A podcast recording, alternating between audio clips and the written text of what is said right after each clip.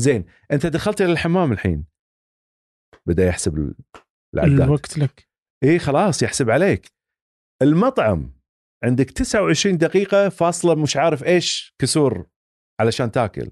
تتعداها. تت تت تت تنخفض النقاط. عبيد للكمبيوتر. فليش عبيد؟ لأن الروبوت اليوم مو بمستوى عالي حتى يستبدل البشر. أهلا. هذا فنجان وأنا عبد الرحمن أبو مالح. ضيفي اليوم هو الدكتور محمد القاسم. هذه الحلقة الثانية. حلقة ممتعة. استمتعت جدا جدا وأنا بس كذا يعني. هو يسولف وأنا مستمتع يعني. آه فالحلقة رائعة جدا. في حديث في مواضيع رائعة جدا من ضمنها أبرزها كذا الذكاء الاصطناعي والوظائف في المستقبل. بس الحلقة يعني أحس إنها من أفضل الحلقات حقيقه اللي آه سجلتها. آه قبل أن نبدأ ود منكم مشاركة الحلقة مع من تعتقد انها تهم وكذلك الدكتور عنده بودكاست آه سايوير بودكاست تستطيعوا الاستماع له في أي من تطبيقات البودكاست اللي تستمعون إليها. أما الآن لنبدأ. أهلا دكتور. آه يعني مفترض ان حلقات ال- البودكاست مع ال podcasters انها تكثر يعني. وهذه الحلقة ما أحس إني آه آه ما أحس إني بتعب فيها ابدا وحتى وأنا جاي وأنا مرتاح يسلمك. وكذا اللي آه، وأنا أصلا آه، يعني جاي وأنا fan يعني آه، مستمع يعني والله أشكرك للسايوير أنا ترى. على فكرة فان الله يسعدك والله يعني. فيعني يبقى السايوير بودكاست هو عميد البودكاستات العربية يعني أشكرك. قد رجعت الحلقات القديمه الحلقات. اللي قبل شوي كنا نتكلم عن الجودة آه، و... كيف إيه لا حلقاتكم أنتم؟ لا حلقاتك أنت. إيش فيهم؟ 2009 2010 ترجع تسمعها تشوف ال- أ- الجودة. أحيانا أحيانا يعتمد على حسب الوضع. okay. يعني أحيانا في محاضرات بلقيها. إي أرجع مرة ثانية للبودكاستات أتأكد من المعلومات أسمعها. لو قديش التطور. أنا ما أوه ت- لا إيه، تطور فارق شاسع. مو طبيعي. إي لا لا لا فرق طبيعي. يعني شوف آه، في البداية لا تنسى الأجهزة اللي كانت متوفرة عندي في بدايتها كانت سيئة. يعني سيئة بمعنى الكلمة كنت ألبس مثلا جيمنج مايكروفون وسماعة إيه،. فكان يعني شيء سيء والصوت تعيس وطريقة الإلقاء تعيسة ما عندك أسلوب حيوي ينخفض بالصوت يصعد مع الوقت تكتسب المهارات هذه وتتطور إلى أن تصل إلى مرحلة أنت مرتاح مع الشيء اللي قاعد تقدمه عرفت شلون؟ وبعدين غير كذي جودة الكتابة تختلف. يعني في البداية تكتب ما تدري حق منو قاعد تكتب هالكلام وما تدري شلون تكتب هذا الكلام وكيف تأثر. في الأخير تكتشف إنه آه أوكي لازم أكثر من القصص لازم أكثر من يعني حتى عملية إنك تضبط الصوت والأمور هذه. تحسن من الصوت لازم آه، تحط المعلومات بطريقة معينة تبسطها. يعني في في أشياء معينة أنا ما تنازلت عنها من بداية البودكاست إلى اليوم اللي هي؟ إن ما أنزل في مستوى المعلومات. لأن في ناس آه، تسمع البودكاست تطلب مني أنزل شوية. إنه ما يفهمونها فتبسطها أكثر؟ إيه بسطها أكثر. فأنا إلى حد ما مبسطها بس مو إلى حد كبير حتى أعطي فرصة للناس إن تصعد بدل ما أنزل لتحت أنا. فأبيها تصعد معاي ونكمل. بس بشكل عام البودكاست وايد تطور. لا لا اللي يسمع. خلهم يرجعوا للحلقات الاولى إيه ويسمع الفرق. بس بس اللي اللي متأكد منه يمكن قد قلت لك أول اللي متأكد منه إنه قديش أنت آه، أثرك على الشباب. آه، أتوقع إنك لا تستطيع أن تتخيلها يعني وخصوصا صغار السن يعني. ف كذا اللي أنا حتى أقدر اشوفها مثلا آه، أحد إخواني يسمعك دائما يعني كذا. ف فكذا أشوف امتنانه آه، وكذا في حديثه عنك ولا كيف.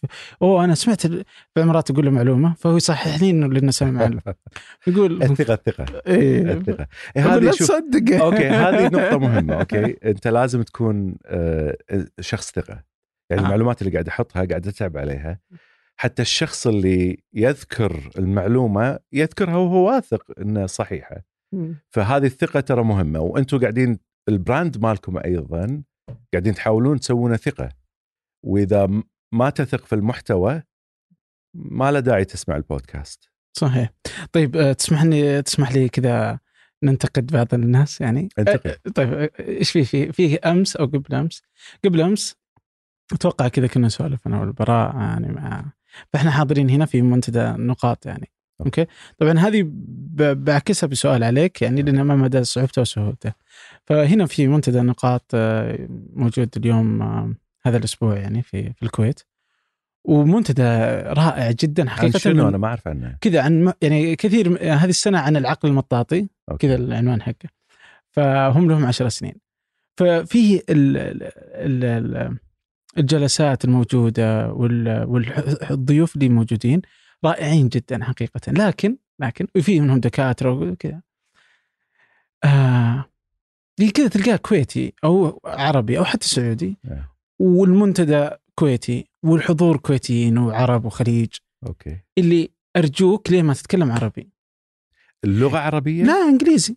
يعني يعطيك ال- خليط بين العربي والإنجليزي. كذا. أو يجي يعطيك ال presentation كامل العرض كامل كله بالإنجليزي. وشنو مشكلة هذا الشيء؟ أحس إنه ليش ما يتكلم عربي؟ وليش لازم يتكلم عربي؟ حضور عربي. ليش ليش لازم؟ أحس إن هنا تيجي مشكلتي. ليش لازم المعرفة. والإبداع ما يتلف أو لا ما يمديني أجيبه بالعربي أقول بالإنجليزي. إيش إيش المشكلة إذا قلته بال- بالعربي؟ شوف أنا أنا أشتغل شغلي كله بالعربي. أنت ك...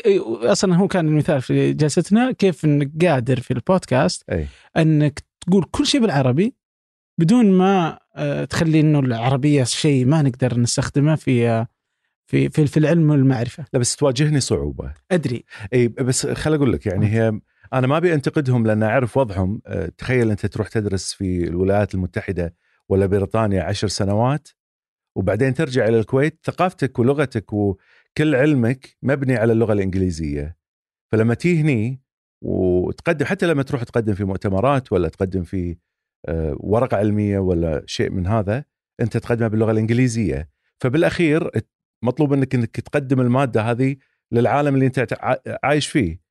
المشكلة وين تصير؟ انه تعال واقعد ترجم معظم المصطلحات اللي موجودة في اللغة الإنجليزية العلمية الدقيقة غير موجودة في اللغة العربية وإذا تحولها تفقد طعمها.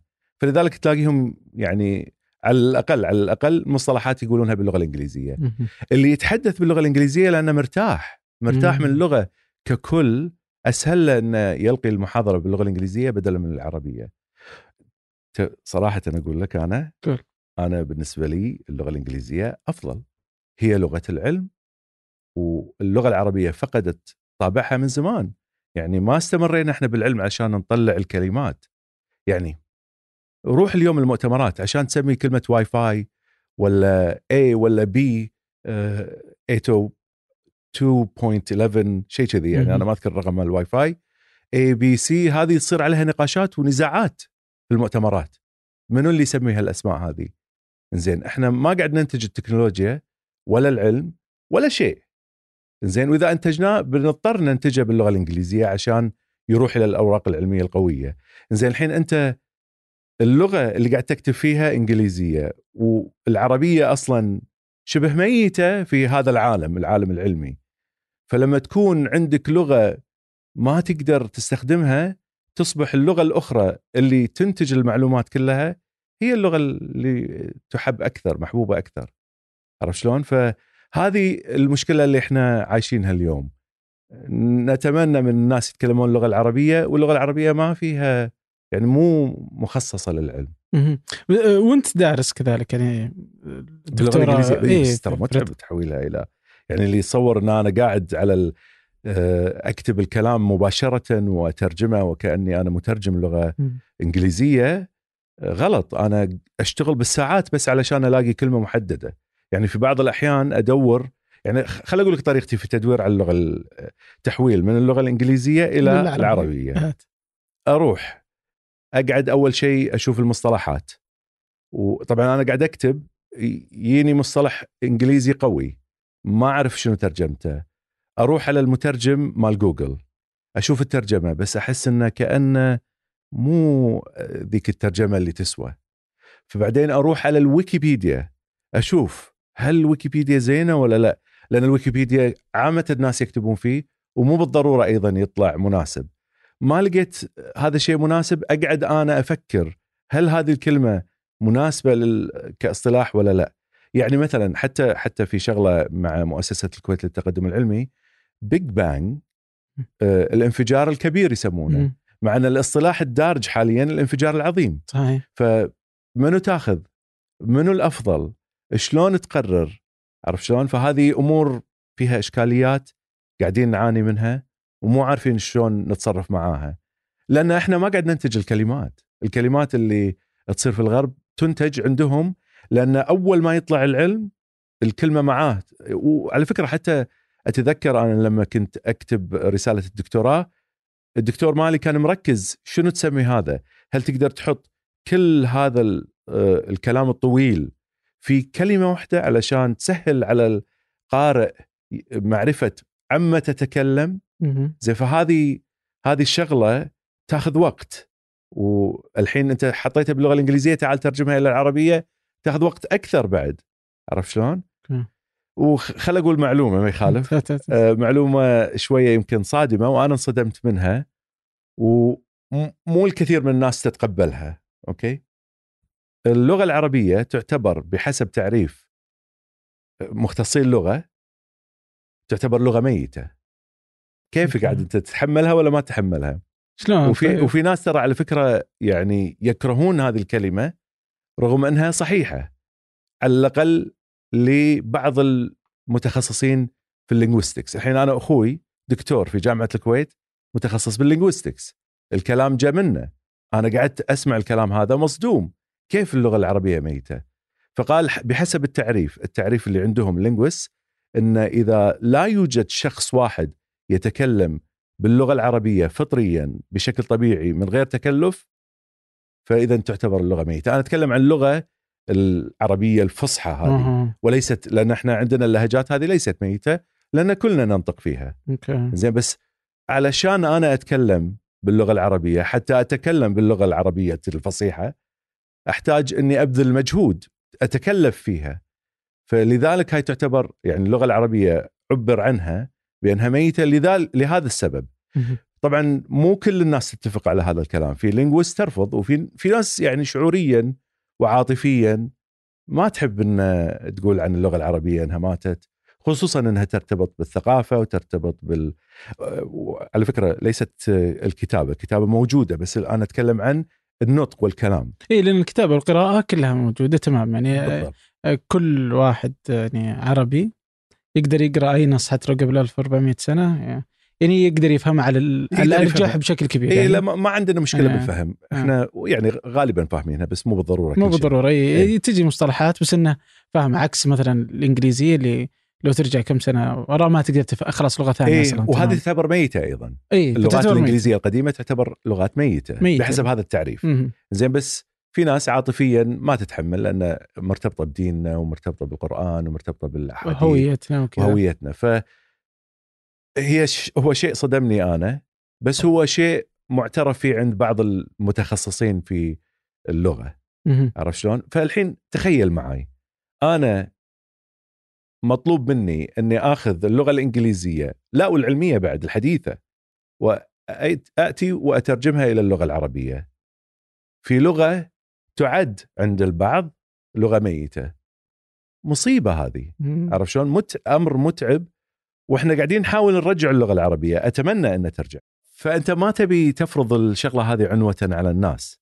أنت مو تقول لهم يلا تعالوا تعلموا اللغة الع- العربية، لا. أنت اللي تبي تسويه إنك تبني اللغة العربية من خلال ما تبنيه من علوم، من أدب، من شعر وما شابه. يعني ما تفرض على الناس اللغة، تخلي اللغة تفرض نفسها عليهم، تخلي العلم يفرض اللغة عليهم. فإذا رد ردينا مرة ثانية إلى العلم طبعا قد أنا ما أدري يمكن ما يصير هذا الشيء إيه ممكن تصير الأمور مضبوطة ترد اللغة العربية وشلون تتعامل اللغات؟ يعني أنا أدري إنه هذه ليست معضلة اللغة العربية. يعني ال- الياباني مثلا لو جاي يبغى يسوي بحث علمي يجب انه يكون بالإنجليزية، الصيني لازم يجب انه يكون بالإنجليزية، أي أحد يبغى يكون ينشر في المجلات العلمية المعتبرة وغيرها يجب انه يكون بالإنجليزية، كان المانيا، فرنسيا، اسبانيا، أي شيء. وعندهم لغتهم أيضا إيه. ينشروا فيها مثل ما عندنا طيب شو. شو, شو يعني هل بالنسبة لهم عندهم نفس حديثنا هذا إنه الإنجليزية الناس جالسة تنسحب بالانجليزيه ولا بس إحنا هل تتوقع هم يشتكون ما أدري إيه، هذا عاد فهمت. متخصصي لازم أسأل أخوي في هالموضوع هذا مم. بس هم عندهم مجلاتهم العلمية ويكتبون فيها أنا شفت مثلا بعض الأبحاث الصينية مهم. آه، وأيضا عندهم مشكلة في ال- الترجمة على سبيل المثال أنا أتذكر مرة من المرات كنا نطالع بحث صيني فأخذنا كلمة منه أحد أصدقائي دكتور في بريطانيا أخذ كلمة من البحث وسأل صيني شنو تعني هالكلمة؟ الكلمة كان لها علاقة في الذكاء الاصطناعي. زين؟ فسأل السؤال هذا وراه طلع المعنى إذا خذيته مجرد من غير أي شيء ثاني له علاقة في الدجاجة والبيض. فأنت إذا خذيته بتجريد تواجهك هذه المشكلة أما إذا حطيتها من ضمن السياق كانت الكلمة لها معنى مختلف أنا الحين ما أتذكر التفاصيل بس المقصود إنه أيضا هم يعانون يعني مو بس إحنا يعني يعني بهال يعني بهالنظرة البسيطة وليست نظرة إيه،. شاملة يعني. okay طيب بمعرفتك بهذه المشكلة أي. وإدراكك لأنه اللغة العربية تحتضر إذا إذا ما إنه قلنا ما ما بي لا. لا لا تسميها تحتضر عشان لا توهقنا مع الجمهور. أنا أقول إنها تحتضر هي يعني أنا okay. أقول أنت تقول إنها أنا أنا ما أقول إنها ميتة. آه، أنا أقول اللي قال قال لي إياه بعض الناس المتخصصين في اللغة. وفي البعض الآخر يرفض هذا الكلام. أيضا هم متخصصين. أنا بس قاعد أقول لك نظرة بعض المتخصصين للغة العربية أو أي لغة أخرى تحت هذا التعريف. عرفت؟ أنا بقول لك مثلا الحين ليش أنا أحس إني في ثمانية؟ إيه. إنه إحنا تعنينا اللغة العربية. بدنا بسالك ليش أنت في Sciware Podcast تتكلم بالعربية ال- آه، الرائعه جدا okay؟ واللي واضح إنها تاخذ منك جهد أكثر من أي أحد ثاني. مثلا إحنا عندنا يعني كذا اللي يزعجني جدا ويربكني جد- جدا لما أحصل على معلومة كذا مثلا ممكن أستمع البودكاست Hidden Brain مثلا ولا أسمع أي بودكاست أجنبي أو أتابع في TED مثلا آه، كلمة talk يعني آه، أو مقطع في الإنترنت وأسمعه آه، أجد إنه غير في فهمي لممكن الحياة كلها okay أو فهمي لادراكي بأي شيء وأعرف إني ما عرفته إلا لأني اوجد الإنجليزية صحيح. فقط فقط فقط لأني اعرف اتكلم إنجليزي إيش؟ أقدر أحصل على هذه المعلومات وأجي أطالع في الجنب الآخر يصير اللي لا يجيد إلا العربية. ذنبه الوحيد انه لا يجيد إلا العربية. في انه لا يستطيع أن يحصل على هذه المعرفة كاملة. صحيح. فأحس هنا يجي كذا دور إني كذا اللي أقول يجب أن يعني ولا ما هو بالضرورة تعصبا للتعصب بذاته بس كذا اللي دائما حتى لما ترجم مثلا مصطلحات ولا مع الضيوف كذا إني أصر على ال... إنها تكون بال... بال... بالعربية هي إنه ماذا لو واحد لا يعرف من الإنجليزية شيء؟ لظروف ما لا أدري إنه تعلم الانجليزيه مهم جدا. لكن ما يعرف ليش نحرمه من المعرفة وخصوصا إنه نقدر إحنا لا لا أنا. متفق وياك. فهذا لا- هذا الهدف اللي يخليه لا ثمانية لا تحرمه. بس إيه. أنا أقول نصيحة مم. تعلموا لغة إنجليزية هي لغة العلم وين تروح يعني إذا تبي تعرف شعر باللغة الإنجليزية ما راح تفهم معانيه والاحاسيس والمشاعر اللي فيه إلا إذا عرفت اللغة الإنجليزية وكذلك العلم. لغة العلم اليوم هي اللغة الإنجليزية. فأنت ممكن تفهمها بشكل عام بس في أيضا هناك شعور بهذه اللغة أو شعور بهذا العلم يأتيك من اللغة نفسها. ما تقدر تستقيها من أي مكان ثاني. يعني اليوم إحنا مضطرين ندخل أغلب المصطلحات التكنولوجية من اللغة الإنجليزية في العربية وما لها مرادف ما لها أي شيء مقابل لها. واي فاي مم. وين يعني الثقب الأسود okay يعني شوي هذه واضحة لأن كلمتين بسيطتين بس أشياء راوتر. يلا دور لي على شوف مثلا قرص صلب كلمة ثقيلة. زين وايد. أصلا ترجمة حرفيا hard disk يعني إي هذا قرص صلب. أنا صراحة الكلمة هذه ما أحبها يا ريت يلاقون لهم كلمة ثانية بديلة. فإحنا لأن ما قاعد ننتج فالكلمة ما تصير آه، مقبولة عندنا. فعموما يعني طيب أنت شو اللي يخليك اذا يعني ما هو الدافع إنه يخلي سايور بودكاست باللغة العربية يعني؟ لأن في مستمعين ما تصل لهم رسالة مثل ما قلت أنت. مم. أنا قاعد أحاول أوصل لهم رسالة وفي نفس الوقت أتمنى منهم ان يتعلمون اللغة الإنجليزية حتى ما يحتاجون. بالعكس خل العالم كله يتعلم اللغة الإنجليزية. وممكن تصير تراجم بعدين ممكن الناس تترجم وتصير ممكن يجي مجدد هذا المجدد يجدد روح اللغة العربية مرة ثانية بس أيضا إذا كان يبي يجددها لازم يجدد معاها يحيي معاها بقية الأمور اللي تركب عليها اللغة العربية ويطورون الكلمات من خلال تطويرهم للعلوم وما شابه من الأشياء الأخرى غير العلمية. أحس إن هذا أفضل سجوي يعني كذا أفضل مدخل بدخلك على الذكاء الاصطناعي. آه كذا وأنا جالس أفكر فيه قلت أوه يا أخي أنا رهيب. المهم. يعني السجوي أنت فكرت إنك رهيب للسجوي. إيه. وهذه ترى مو هينة. طيب. الآن واحيانا تخوني ترى بس يعني مشكلة. يعني. الآن إحنا يعني في ناس تجي تقول مو بناس يعني بس أنا أتخيل أحيانا اليوم لما تجي تشوف آه، وين الذكاء الاصطناعي منطلق يعني فيه اللي هو في تجربة بسيطة لجوجل اللي هي جوجل السماعات الجديدة حقتها. ظاهر إنها تقدر تسمع آه، وتترجم مباشرة. okay. صح؟ آه، ما أدري إذا اعلن عنها ما مايكروسوفت عندهم بس ما أدري إذا جوجل عندهم okay so Microsoft عندهم. فورية. so ترجمة فورية. فاليوم يجي يقول لك okay إذا هذه لا تزال كذا في بداياتها معناته إنه خمس سنين عشر سنين بتركب ال AirPods حقت Apple ولا أي سماعات انجلسه وأنت تتكلم إن شاء الله أي لغة تبغاها يعني إيه، إيه، إيه. صيني. أوه. وأنا أعرفك عربي وأنت أنا أتكلم عربي أنت تتكلم صيني وإحنا فاهمين بعض. فما مدى إنك تت... ما مدى الفائدة إنك تتعلم لغات ثانية؟ اخ السؤال. إيش رأيك؟ بالله بالله سقوي رهيب والله سؤال قوي صراحة. الله يسعدك. آه شوف أنا ما أدري لا يمكن ال... يعني خليني أفكر يعني هذا السؤال قوي جدا. شنو شلون تجاوب على سؤال ترجمة فورية وحاجتك للغات بعد ذلك. طيب اشرح اشرح للناس وش وش اللي بيصير؟ يعني في المستقبل بالنسبة لل يعني في طبعا تكنولوجيا آه، الذكاء الاصطناعي قاعد تطور أشياء كثيرة اللي تاخذ مكان المخ. زين بس أنا أبي أحاول أركز على سؤالك لأن سؤالك مهم. هل ستكون هناك حاجة لأن نتعلم لغة أخرى ولا لا؟ أنا تصوري نعم مثل ما قلت لك إن حتى تفهم المغزى والعمق اللي موجود في اللغة لازم تتعلمها بنفسك لازم تستشعرها. يعني يعني مثلا اللغات اللي أنت اليوم لنفترض أنت الحين تعرف لغة تعرف اللغة العربية وتعرف اللغة الإنجليزية بس في ناس لأنها تعلمتها متأخرة اللي صار معاهم إنه ياخذ اللغة الإنجليزية يمررها على اللغة العربية بعدين يفهمها. أوكي. زين؟ بينما الشخص اللي يتعلم لغتين في الصغر استيعابه ما تمر ترجمته على اللغة العربية كوسيط بين بين الفهم واللغة الثانية. زين فإحنا إذا تعلمنا اللغة تصير جزء من تركيبتنا فنفهم المغازي المعاني. فهذا جانب ما تقدر تحصله إذا كانت هناك ترجمة فورية. الترجمة الفورية بشكل عام ما تعطيك المعاني كلها. أتصور إن تذوق القرآن مثلا الكلمات الجميلة اللي فيه ما يصير إلا إذا فهمت اللغة وصار عندك مثل جزء من كيانك. أوكي؟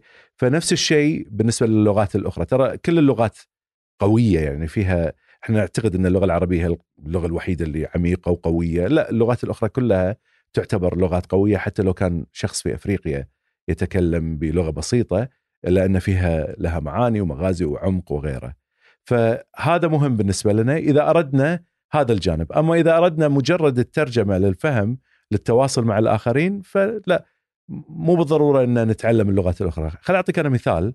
في السابق في يعني أنا تاريخ نتكلم عن تاريخ البشرية في القديم تماما. كان البشر يبحث عن الطعام فورجينج يسمونه.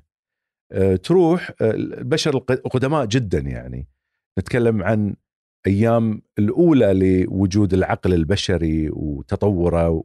فهذا يبحث عن الطعام فيضطر إنه يمشي مسافات كبيرة جدا. يوميا يضطر يمشي. زين فيروح يقطف الثمار يروح يلاحق الحيوانات وما شابه. فكان دائما في حركة رياضة. زين بعد ذلك تطور الإنسان وتطورت معه وسائل النقل. فأصبح الإنسان جالس في أغلب الأحيان. جالس في السيارة جالس في البيت نايم في البيت ما يتحرك كثير فشنو اضطر يسوي؟ اضطر إنه يخلي الرياضة شيء ليجر أو يعني في وقت الفراغ يسويها يعني صارت الرياضة شيء آه، مو مفروضه عليك إنما شيء أنت تسويه في وقت الفراغ عندك حتى تحافظ على صحتك صحيح فالفكرة شنو؟ إن أنت نفس الشيء بالنسبة للغات إذا يوم من الأيام الترجمة أصبحت فورية وما تحتاج تتعلمها أنت تتعلمها فقط كما تفعل تقوم بالرياضة حتى تحسن من صحتك الذهنية على سبيل المثال. فهذه هي الفكرة انه لما تأخذ منك شغلة تحاول تستبدلها علشان لا لا تضعف أنت بشكل عام. عجيب والله. يعني آه يعني قدرة الذكاء الاصطناعي في تغيير آه شكل الحياة أحس إنه يعني يعني ما أدري إذا هو نقدر نقول إنه مخيف ولا بس إنه رهيب في حد ذاته يعني مخيف. كذا إيه. والله مخيف. مخيف. والله مخيف. أنا أدري في ناس اليوم وأنا يعني أعرف هذه المعلومة لأن أنا مشتغل فيه شخصيا أعرف إن اليوم بسيط جدا ولن يؤثر على البشر. ولكن إذا طالع إلى المستقبل الوظائف وما شابه أنا أعتبره مخيف. آه، يمكن أنا أرمى بجانب اللي يخوفون من هذا الموضوع مثل إيلون ماسك ستيفن هوكينج كانوا يخوفون يحذرون. بس وفي الناس اللي تشتغل فعليا بإيدها بالبرمجة وأنا واحد منهم يعرفون إن للحين الموضوع ما تكامل. فتخيل معاي في المستقبل لما يتكامل كيف راح تصير الأمور؟ وهذا الخوف والرعب اللي الناس قاعد تخطط له من الآن هي الوظائف. يعني عبد الرحمن بومالح يستبدل بذكاء اصطناعي في البودكاست. طيب عبد الرحمن بومالح شو يسوي في الحالة هذه؟ مشكلة ترى والله. مشكلة هي. زي ترى على فكرة يعني ندخل في الوظائف. الحين عندك سكرتارية. إحنا نعرف اليوم جوجل سوت برنامج قوي يرد على التلفونات بدالك أنت. صحيح. وهذا عرضوه وأبهر الجمهور إلى أقصى الحدود لدرجة انه اللي ترد الذكاء الاصطناعي لما ترد على التلفون ترد وكأنها بشر فيها السكنات فيها الام آه هذه الأشياء اللي إحنا نسويها طبيعيا وأنا قاعد أتكلم الآن معاك في بعض الأماكن توقفت فيها آه، طلعت همهمات أو ما أعرف الاصطلاح لها ولكن هذه الأشياء أصبحت من ضمن الذكاء الاصطناعي. فالحين السكرتارية ممكن تستبدل. آه، الموظفين اللي يشتغلون في المحاماة ممكن يستبدلون. اليوم شفتها على المحاماة شفت كذا في فيديو كان كان الفيديو لمين؟ HBO Vice فكان الظاهر إنه تقرير عن مستقبل الأعمال الوظائف. فكذا فبحط الفيديو في وصف الحلقة. ف ف هم يمشون في كذا وظيفة. من ضمنها المحاماة يعني وجابوا محامي وجابوا واحد عنده شركة آه، ذكاء اصطناعي للمحاماة. فكذا اللي هذا أخذ منه دقيقتين وخلص. أيه. هم أعطوهم ورقة أيه. قالوا يلا خلينا نشوف من اللي بيكتشف الأخطاء فيها لأنه كانت عقد. إيه. وحطوا فيها أخطاء معينة. yeah. فهذا أخذ كذا جالس بيسوي يعني الكاميرا تشوف عليه. يسوي التالي التالي التالي. بس يعني. وهذاك محامي عادي في ياخذ الاوراق يجلس يكتب. هذا أخذ منه دقيقتين الظاهر إنه يسوي ياخذ الأوراق سكان مدري إيش. بالضبط. بعدين هذاك أخذ منه ساعة وأربع دقائق. بعدين هذا 98% كان صح؟ هذاك ظهر 85 هذاك البشر. البشر. البشر ما ما انتبه الاشياء يعني حتى في كذا اللي كانت ثغرة موجودة حطوها بالعاني. أو هذاك ما انتبه لها. بس الآلة انتبهت لها. فشوف كيف يعني محامي يعني. يا. كذا اللي عيني عينك اليوم. بالضبط. يعني. فتخيل اي يعني أنت تخيل معاي إن هذا في الكثير من الوظائف المكررة هذه واحدة من الوظائف اللي فيها تكرار. يتم أتمتتها. انتهى الموضوع بالنسبة للبشر. طيب أنت الحين شلت الإنسان من وظيفته. زين؟ وخل أضيف بعد. أوكي مو بس الوظيفة. عندنا مشكلة ثانية كبيرة. الخط الدفاع الأول للذكاء الاصطناعي اللي سيستخدم في الجامعات وفي الوظائف. من أي ناحية؟ أنت يا تقدم على وظيفة أو تقدم على جامعة. م. أنت عندك سي في أنت عندك آه، مثلا كاتب آه، معلومات أخرى عن نفسك صورتك حاط المعلومات الشخصية اللي في التواصل الاجتماعي عن عن نفسك. فتخيل أنا أخلي الذكاء الاصطناعي يطالع السي في يطالع التواصل الاجتماعي مالك يشوف كل هالمعلومات هذه ويقرر كخطأ دفاعي أول للجامعة. مئات الآلاف يتقدمون للجامعات. ليش تخلي البشر يطالعون هذا الشيء؟ خلينا نسهل على أنفسنا المهمة نحط الذكاء الاصطناعي خصوصا إن الذكاء الاصطناعي 90 8 طبعا التسعينات ضعيف يعتبر 98% دقيق. 90 ضعيفه اي 90 لا يعتبر ضعيف. في بعض الحالات ال 90 يعتبر سيء بعد. فتخيل وهالذكاء الاصطناعي قاعد يوصل إلى 99 وشوية بالمية صحيح في بعض الأشياء طبعا. زين تخيل هذا الخط الأول يطالع في السي في مالتك يقول لك أنت ما تقدر آه، تدخل عندي بالجامعة لأن بعض صفاتك لا تسمح لك بذلك. زين؟ أنت ملتحي يمكن الشخص الملتحي له صفات معينة مو مرغوبة في عالمهم مثلا في العالم الغربي على سبيل المثال. ولو إن هذا مو صحيح بس أنا قاعد أقول لنفترض إن الذكاء الاصطناعي كان عنده هذا الانحياز. وهو اللي يقرر يعني. هو اللي يقرر طبعا خط دفاع أول أنا ليش أطالع مئة ألف متقدم؟ ليش أطالع 30 متقدم إلى الوظيفة واقدر اخلي الذكاء الاصطناعي يفلترهم لي. ترى على فكرة يعني راح يفلتر بشكل جيد يعني. مو إنك يعني مو بالضرورة انه يكون سيء ممكن يكون سيء. الحين أقول لك ليش هذا الشيء ممكن يكون سيء. آه، بس بشكل عام تحط هذا كخط دفاع أول كم واحد من الناس اللي ممكن ما تحصل له الفرصة يروح الجامعة وهو زين. ولكن لأن عنده بعض الصفات التي لا يقبلها الذكاء الاصطناعي ما دخل إلى الجامعة ما دخل إلى الوظيفة. وفي ناس حتى ممكن ممكن إن عندهم بعض الظروف صارت في حياتهم خلتهم في السي في على الورق سيء إيه يعني سيء. فشو تسوي في هذا؟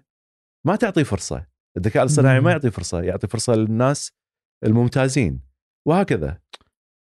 وأتذكر إنه يعني إذا ماني بوهم في في نيو جيرسي انه مطبقين الذكاء الاصطناعي على هل آه، هل في في في, في الشرطة فيقدر يعرف إذا أنت يعني يعني مجرم مجرم ولا ما أنت مجرم مجرم فاهم؟ هذه ما شفتها أنا ممكن أنا إيه, إيه بس يعني كذا على إنه يطلعونك بكفالة ولا ما يطلعونك بكفالة yeah. بناء على قرار الذكاء الاصطناعي فهو يقرأ مثلا تاريخك وكذا وبرضه إنه يتعرف على صورتك من خلال الكاميرات الموجودة يعني كذا ياخذ أشياء كثيرة وبعدين يقرر يعني. يقولون تجربه جيدة بس يعني خل أقول لك بس أشوف ممكن إنها تدخل هناك يعني ممكن تدخل مو بس حتى الجامعات يعني. أي مكان أي مكان. خل, أقول لك مثال. وهذا مثال أنا دائما اضرب يعني تكلمت عنه في البودكاست وضربته في المحاضرات اللي أقدمها. وواحدة من أروع القصص اللي مرت علي اللي تبين كيف إن الذكاء الاصطناعي ممكن يكون مدمر. بس خليني أقول لك إياها كقصة من ناحية إن هناك بشر عندهم انحيازات ثم بعد ذلك نأتي إلى الذكاء الاصطناعي. آه، قصة من القصص أن كان هناك آه، شخص أسود نازل من سيارته في الولايات المتحدة الأمريكية حاط السيارة في وسط الشارع آه، راته امرأة جاية بسيارتها تبي تعبر تشوف هذا الشخص واقف وطالع برا السيارة وكأنه يهلوس في عنده مشكلة. زين. اتصلت بالشرطة تعالوا اخذوا هذا الشخص شوفوا وضعه شلون صاير. أتت الشرطة وكانت هناك شرطية من ضمنهم آه، وحوطوا وحطوا عليه المسدس وجهوه إليه وقاعدين يكلمونه. وهناك هليكوبتر من فوق قاعد يصور الصورة هذه وينقل الخبر إلى آه، وسائل الإعلام. أثناء ما هو قاعد يعني يتحرك إلى سيارته رايح والشرطة معاه موجهين المسدسات له الهليكوبتر قاعد يتكلم عنه. فجأة سقط الشخص على الأرض. فالهليكوبتر يقول يبدو انه ضربوه بالتيزر اللي الجهاز اللي كهرب. بعد شوي تسمع صوت الشرطية عبر اللاسلكي عبر الهليكوبتر انه نار أطلق وهذا الشخص طاح على الأرض. تخيل؟ زين الحين شنو اللي صار؟ هذا الشخص حط إيده في جيبه ويبي يطلع شغلة من جيبه. هو أسود شرطية أطلقت عليه النار وقتلته. ومات أثناء ذهابه إلى المستشفى توفي. شنو كان حاط إيده حقه؟ شنو كان جاي ياخذ؟ هل كان في جيبه مسدس؟ لا. كان في جيبه المحفظة. طلع المحفظة على أساس يوريهم هويته. وهني الشرطيه على عجالة بتفكير سريع ومن غير قصد أو نية سيئة من ناحية السود أطلقت عليه النار. النار ومات. زين. الحين نتساءل هل هذه الشرطية منحازة ضد السود؟ لما تيجي تختبرها وتسألها أسئلة وتشوف حياتها تكتشف إنها غير منحازة تماما. بالعكس إنسانة ممتازة. ما عندها اي انحياز. يعني مثلا لو أنا أسأل الحين شخص في وظيفة هل أنت منحاز للحضر للبدو للشيعة للسنة للكذا يقول لك لا ابدا أنا مو منحاز. بس فعليا داخليا هناك انحيازات ضمنية. هذه الانحيازات الضمنية اكتسبناها مع مر الوقت. نفس الشيء الدكتورة هذه في الدراسات بينت مو عنها هي بالتحديد بس بشكل عام إن البشر عندهم الانحيازات. فالدك... فال آه، عفوا مو الدكتوره قصدي الشرطية.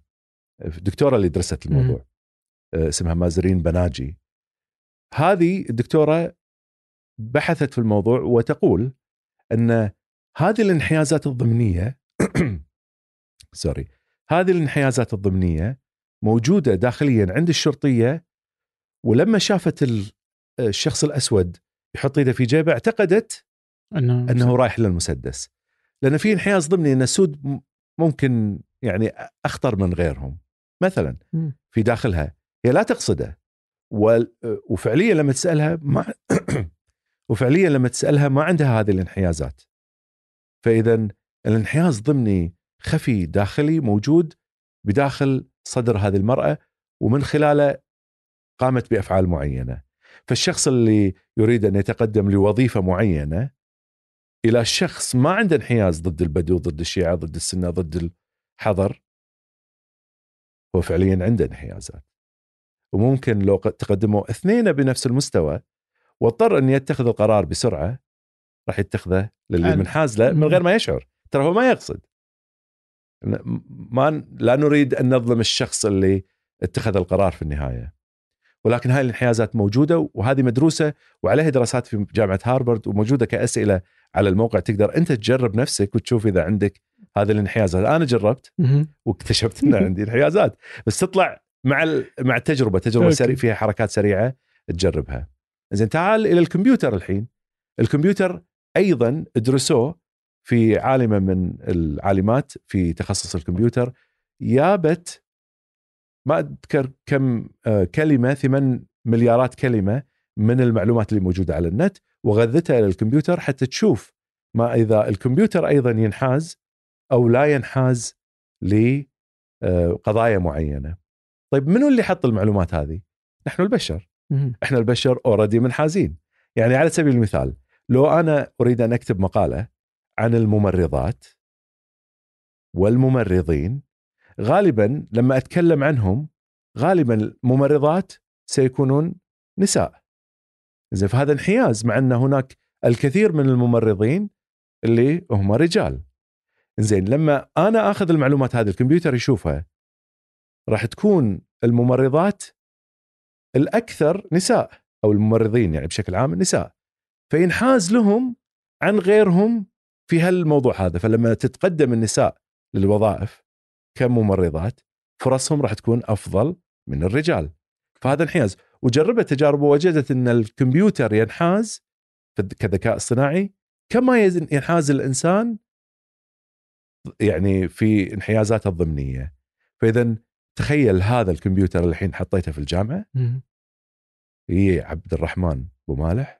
يتقدم للوظيفة يقولون له أنت عندك لحية وما راح نقبلك بس طبعا ما الكمبيوتر ما راح يقول هالكلام بس مجرد إنه لا والله ما نفضله. شايف شلون؟ في عام 2016 أعلنت السعودية عن رؤية 2030 رؤية المملكة العربية السعودية 2030 رؤية طموحة وشاملة. غطت تفاصيل حياتنا اليومية من خلال برامج الإسكان وجودة الحياة والتحول الرقمي. وامتدت لتشمل نمو وتنويع الاقتصاد عبر برامج صندوق الاستثمارات العامة وتطوير الصناعة والخدمات اللوجستية وغيرها. اليوم وبعد أربع سنوات من هالرحلة المثيرة يتبادر لأذهاننا عشرات الأسئلة عن مستهدفات وبرامج ومؤشرات الرؤية. وفي بودكاست سقراط أنا عمر الجريسي استضيف قادة التحول وأحاورهم. حدثنا وش أهم الأشياء اللي تحققت؟ المحور الأهم اللي هو محور ماذا حققت؟ وش حققت؟ ماذا حققت أبو خالد؟ وش أهم الأرقام؟ لتوثيق رحلتنا نحو أهداف رؤية السعودية 2030 وتأكد إني أنا ما جيت في هدف أنا أعتقد. حققنا أعتقد إنجاز في كبير 2019 كنا الدولة الدولة الأولى في العالم. كل يوم ثلاثاء حلقة جديدة مع قائد مختلف وحكاية مثيرة. ابحث عن سقراط في أي تطبيق بودكاست تستخدم.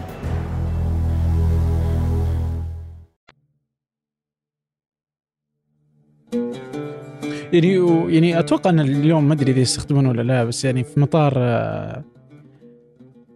JFK كندي في نيويورك ما أدري والله وش اللي يستخدمون بس إنها إذا جيت تدخل آه، أول شيء بال- هذا ما أدري تصدق يستخدمون الآلة في آه، في الوجه بس إنه ممكن.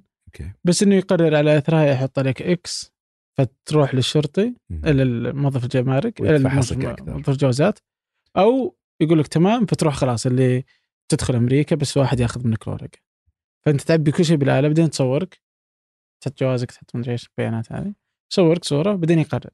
Yeah. هل تروح آه Yeah. هذا ولا؟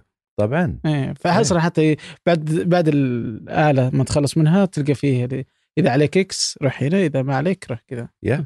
وتخيل بالصين أيضا الصين الحين الذكاء الاصطناعي واصل مخيف متقدمه مخيف يعني تقدر تراقب الناس مراقبة جبارة لا اللي تسويه الصين ما هو طبيعي جدا ابدا طيب برجع للي ما هو طبيعي بس انك ما شرحته إيه. أنت قلت إنه اليوم أنتم تشتغلون على الآلة. على ال- الذكاء الاصطناعي كذا مهم. إنكم تدرون إنه اليوم مو مخيف بس إنه إذا تكامل بيصير مخيف. شلون يتكامل؟ يتكامل لما يصير الذكاء الاصطناعي عام أو ذكاء عام اصطناعي. artificial general intelligence إذا قدرت تسوي الذكاء الاصطناعي يحل محل البشر في كل وظائفه لأن الحين الذكاء الاصطناعي مركز يعني آه، لعبة آه، AlphaStar مهم. تغلب فيها الكمبيوتر على البشر ال- أفضل البشر اثنين في اللعبة في هذه اللعبة الأبطال خمسة إلى صفر زين. تعلم الكمبيوتر خلال أسبوع واحد ما يعادل تعلم 200 س- آه، 200 سنة من البشر يعني لو تحط إنسان يريد أن يتعلم نفس اللعبة بنفس الكفاءة مالت الكمبيوتر يحتاج إلى 200 سنة حتى يتعلمها فهذا تعلمها في أسبوع واحد وتغلب على اثنين أبطال حول الع... آه، أظن اثنينهم أمريكان كانوا اللي هي طبعا جوجل مسوي هذا الشيء وتغلبوا تغلب الكمبيوتر عليهم. زين هذا محدود في جانب محدد يوم من الأيام إذا صار الكمبيوتر قادر على أن يتعلم أي شيء ويفكر في أي شيء بعد شنو فائده الإنسان في الحالة هذه؟ شنو شنو ممكن الإنسان يسوي؟ يعني شنو الوظيفة اللي ممكن تعطيه إياها اللي ممكن يبدع في الموسيقى أكثر أو يبدع في الشعر أكثر أو في الكتابة أو في العمل أو في في اتخاذ القرار وما شابه. ما أدري ما أدري شو خل خل أقول لك. أعطيك أنا الحين مثال حي صار قبل آه، سنة سنة أو سنة وشوي. آه، خبر صدر عن أمازون. إن أمازون بدأت تطرد موظفيها عن طريق الذكاء الاصطناعي، الذكاء الاصطناعي هو اللي يقرر إذا يظل في الوظيفة أو يطلع. تخيل. ترى رعب. والله رعب. والله. زين. بس أقول لك اللي أكثر رعبا من هذا. زين.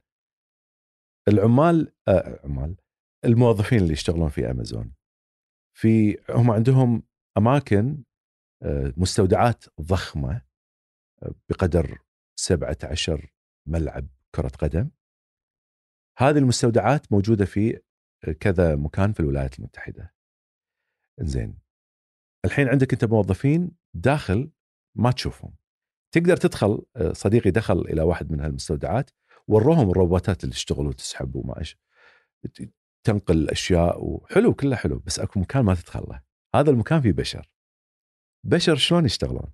زين طبعا أنا ما أبي أقول إن هذه امازون خلينا نقول هذه شركة ليست امازون بحد. ذاتها لأن هذا حتى امازون رافضة إن تعترف فنقول شركة. زين وليست امازون. داخل هذا المكان في ناس اشتكوا من الأوضاع اللي أوضاع العمل اللي موجودة في الداخل. شنو اشتكوا منه بالضبط؟ إنه تخيل الحين العامل موجود وحوالينا أغراض الدنيا. الهدف من عمل هذا المكان هذا النوع من المستودع إنه يوصل البضاعة خلال ساعة واحدة بعد الطلب يعني أنت قاعد أنت الحين قاعد على الإنترنت وتبي تطلب شغلة من أمازون عندهم التوصيل السريع خلال ساعة واحدة يوصلون لك البضاعة إحنا لما نطلب من أمازون توصلنا خلال أسبوع 10 أيام إلى الكويت هناك عندهم في بعض البضائع بريطانيا أنا لما كنت هناك أربع ساعات أمريكا ساعة واحدة ف طيب ليش قاعد يصير هذا الشيء بسرعة؟ الموظفين آه، طبعا الحين خلينا مرة ثانية مو أمازون. شركة ثانية عندهم مستودعات كبيرة وتوصل للناس في ساعة إيه. آه، ما أدري إيش الشركة إيه. ذي الحين أكو داخل ناس يشتغلون عندهم أجهزة لوحية الأجهزة اللوحية تقول لهم البضاعة وين موجودة بداخل المستودع لا يعرف أحد مكان هذه البضاعة سوى الكمبيوتر. الكمبيوتر يعرف بالضبط وين موجوده لأنه ملخبط ال- المكان. مو ملخبط تماما بس يعني الفكرة إنه مو حاطينها بالطريقة التقليدية ان كل شيء مع بعضه. يعني مثلا تلفزيون مع بعضه آه، الأكل مع بعضه مش عارف آه، لعب ألعاب مع بعضها. تمام. لا. مفرقة بطريقة معينة يفهمها الكمبيوتر ويدري انه إذا سواها بهالطريقة هذه إيه، بيصير أسرع. أسرع مم. فالحين الموظف يقضب التابلت بيده وتي له إشارة انه اب روح إلى المكان الفلاني بالضبط وأخذ البضاعة الفلانية وحطها في الصندوق مالها عندك عشر ثواني عشرة تسعة ثمانية سبعة ستة ويحسب لك إذا وصلت هناك وما لقيت البضاعة يقول لك موجودة أنت مو لاقيها. ناقص واحد ناقص اثنين ناقص. يبدأ ينقص منك نقاط. زين فأنت الحين تبحث ويسوون سكان توت توت عشان يورون يثبتون للكمبيوتر إنه فعلا مو موجود. توت توت توت توت توت ماكو ماكو ماكو ماكو البضاعة مو موجودة. زين خلصت الحين لنفترض لقيتها حطيتها. البضاعة الثانية اللي محتاجينها موجودة في المكان الفلاني عندك 30 ثانية 30 29 28 زين أنت دخلت إلى الحمام الحين. بدأ يحسب ال- العداد الوقت لك. اي خلاص يحسب عليك. المطعم عندك 29 دقيقة فاصلة مش عارف إيش كسور علشان تاكل. تتعداها. تت تت تت تنخفض النقاط. عبيد للكمبيوتر. آه. فليش عبيد؟ لأن الروبوت اليوم مو بمستوى عالي حتى يستبدل البشر. إذا صار في المستقبل البعيد طبعا أن الروبوت صار بكفاءة عالية إي خلاص عند ذلك الوقت البشر أيضا يستبدلون كامل ولما تقول مستقبل بعيد تقصد متى؟ ما أدري صراحة صعب بس أنا اتكلم أنت شايف عن اللي سوته MIT هذا اللي يتنقز ويتشقلب آه هذه. Boston Dynamics بوسطن؟ إي Boston Dynamics فعلت هذا يعني- ترى أنت ما تشوف خلف الكواليس إيش؟ أنا هذه لقطات أوريها للجمهور لما عرض عل- عليهم كيف إن الروبوتات ما وصلت إلى مرحلة كافية بحيث إنها تكون مستقلة بذاتها. تشوفها تطيح وايد هذا كله ممنتج ومخرج ومضبوط يعني. أنا ما أقصد يعني مفبرك أقصد إنه يأخذون اللقطات الزينة ويرمون المو زينه ويورونك إياها.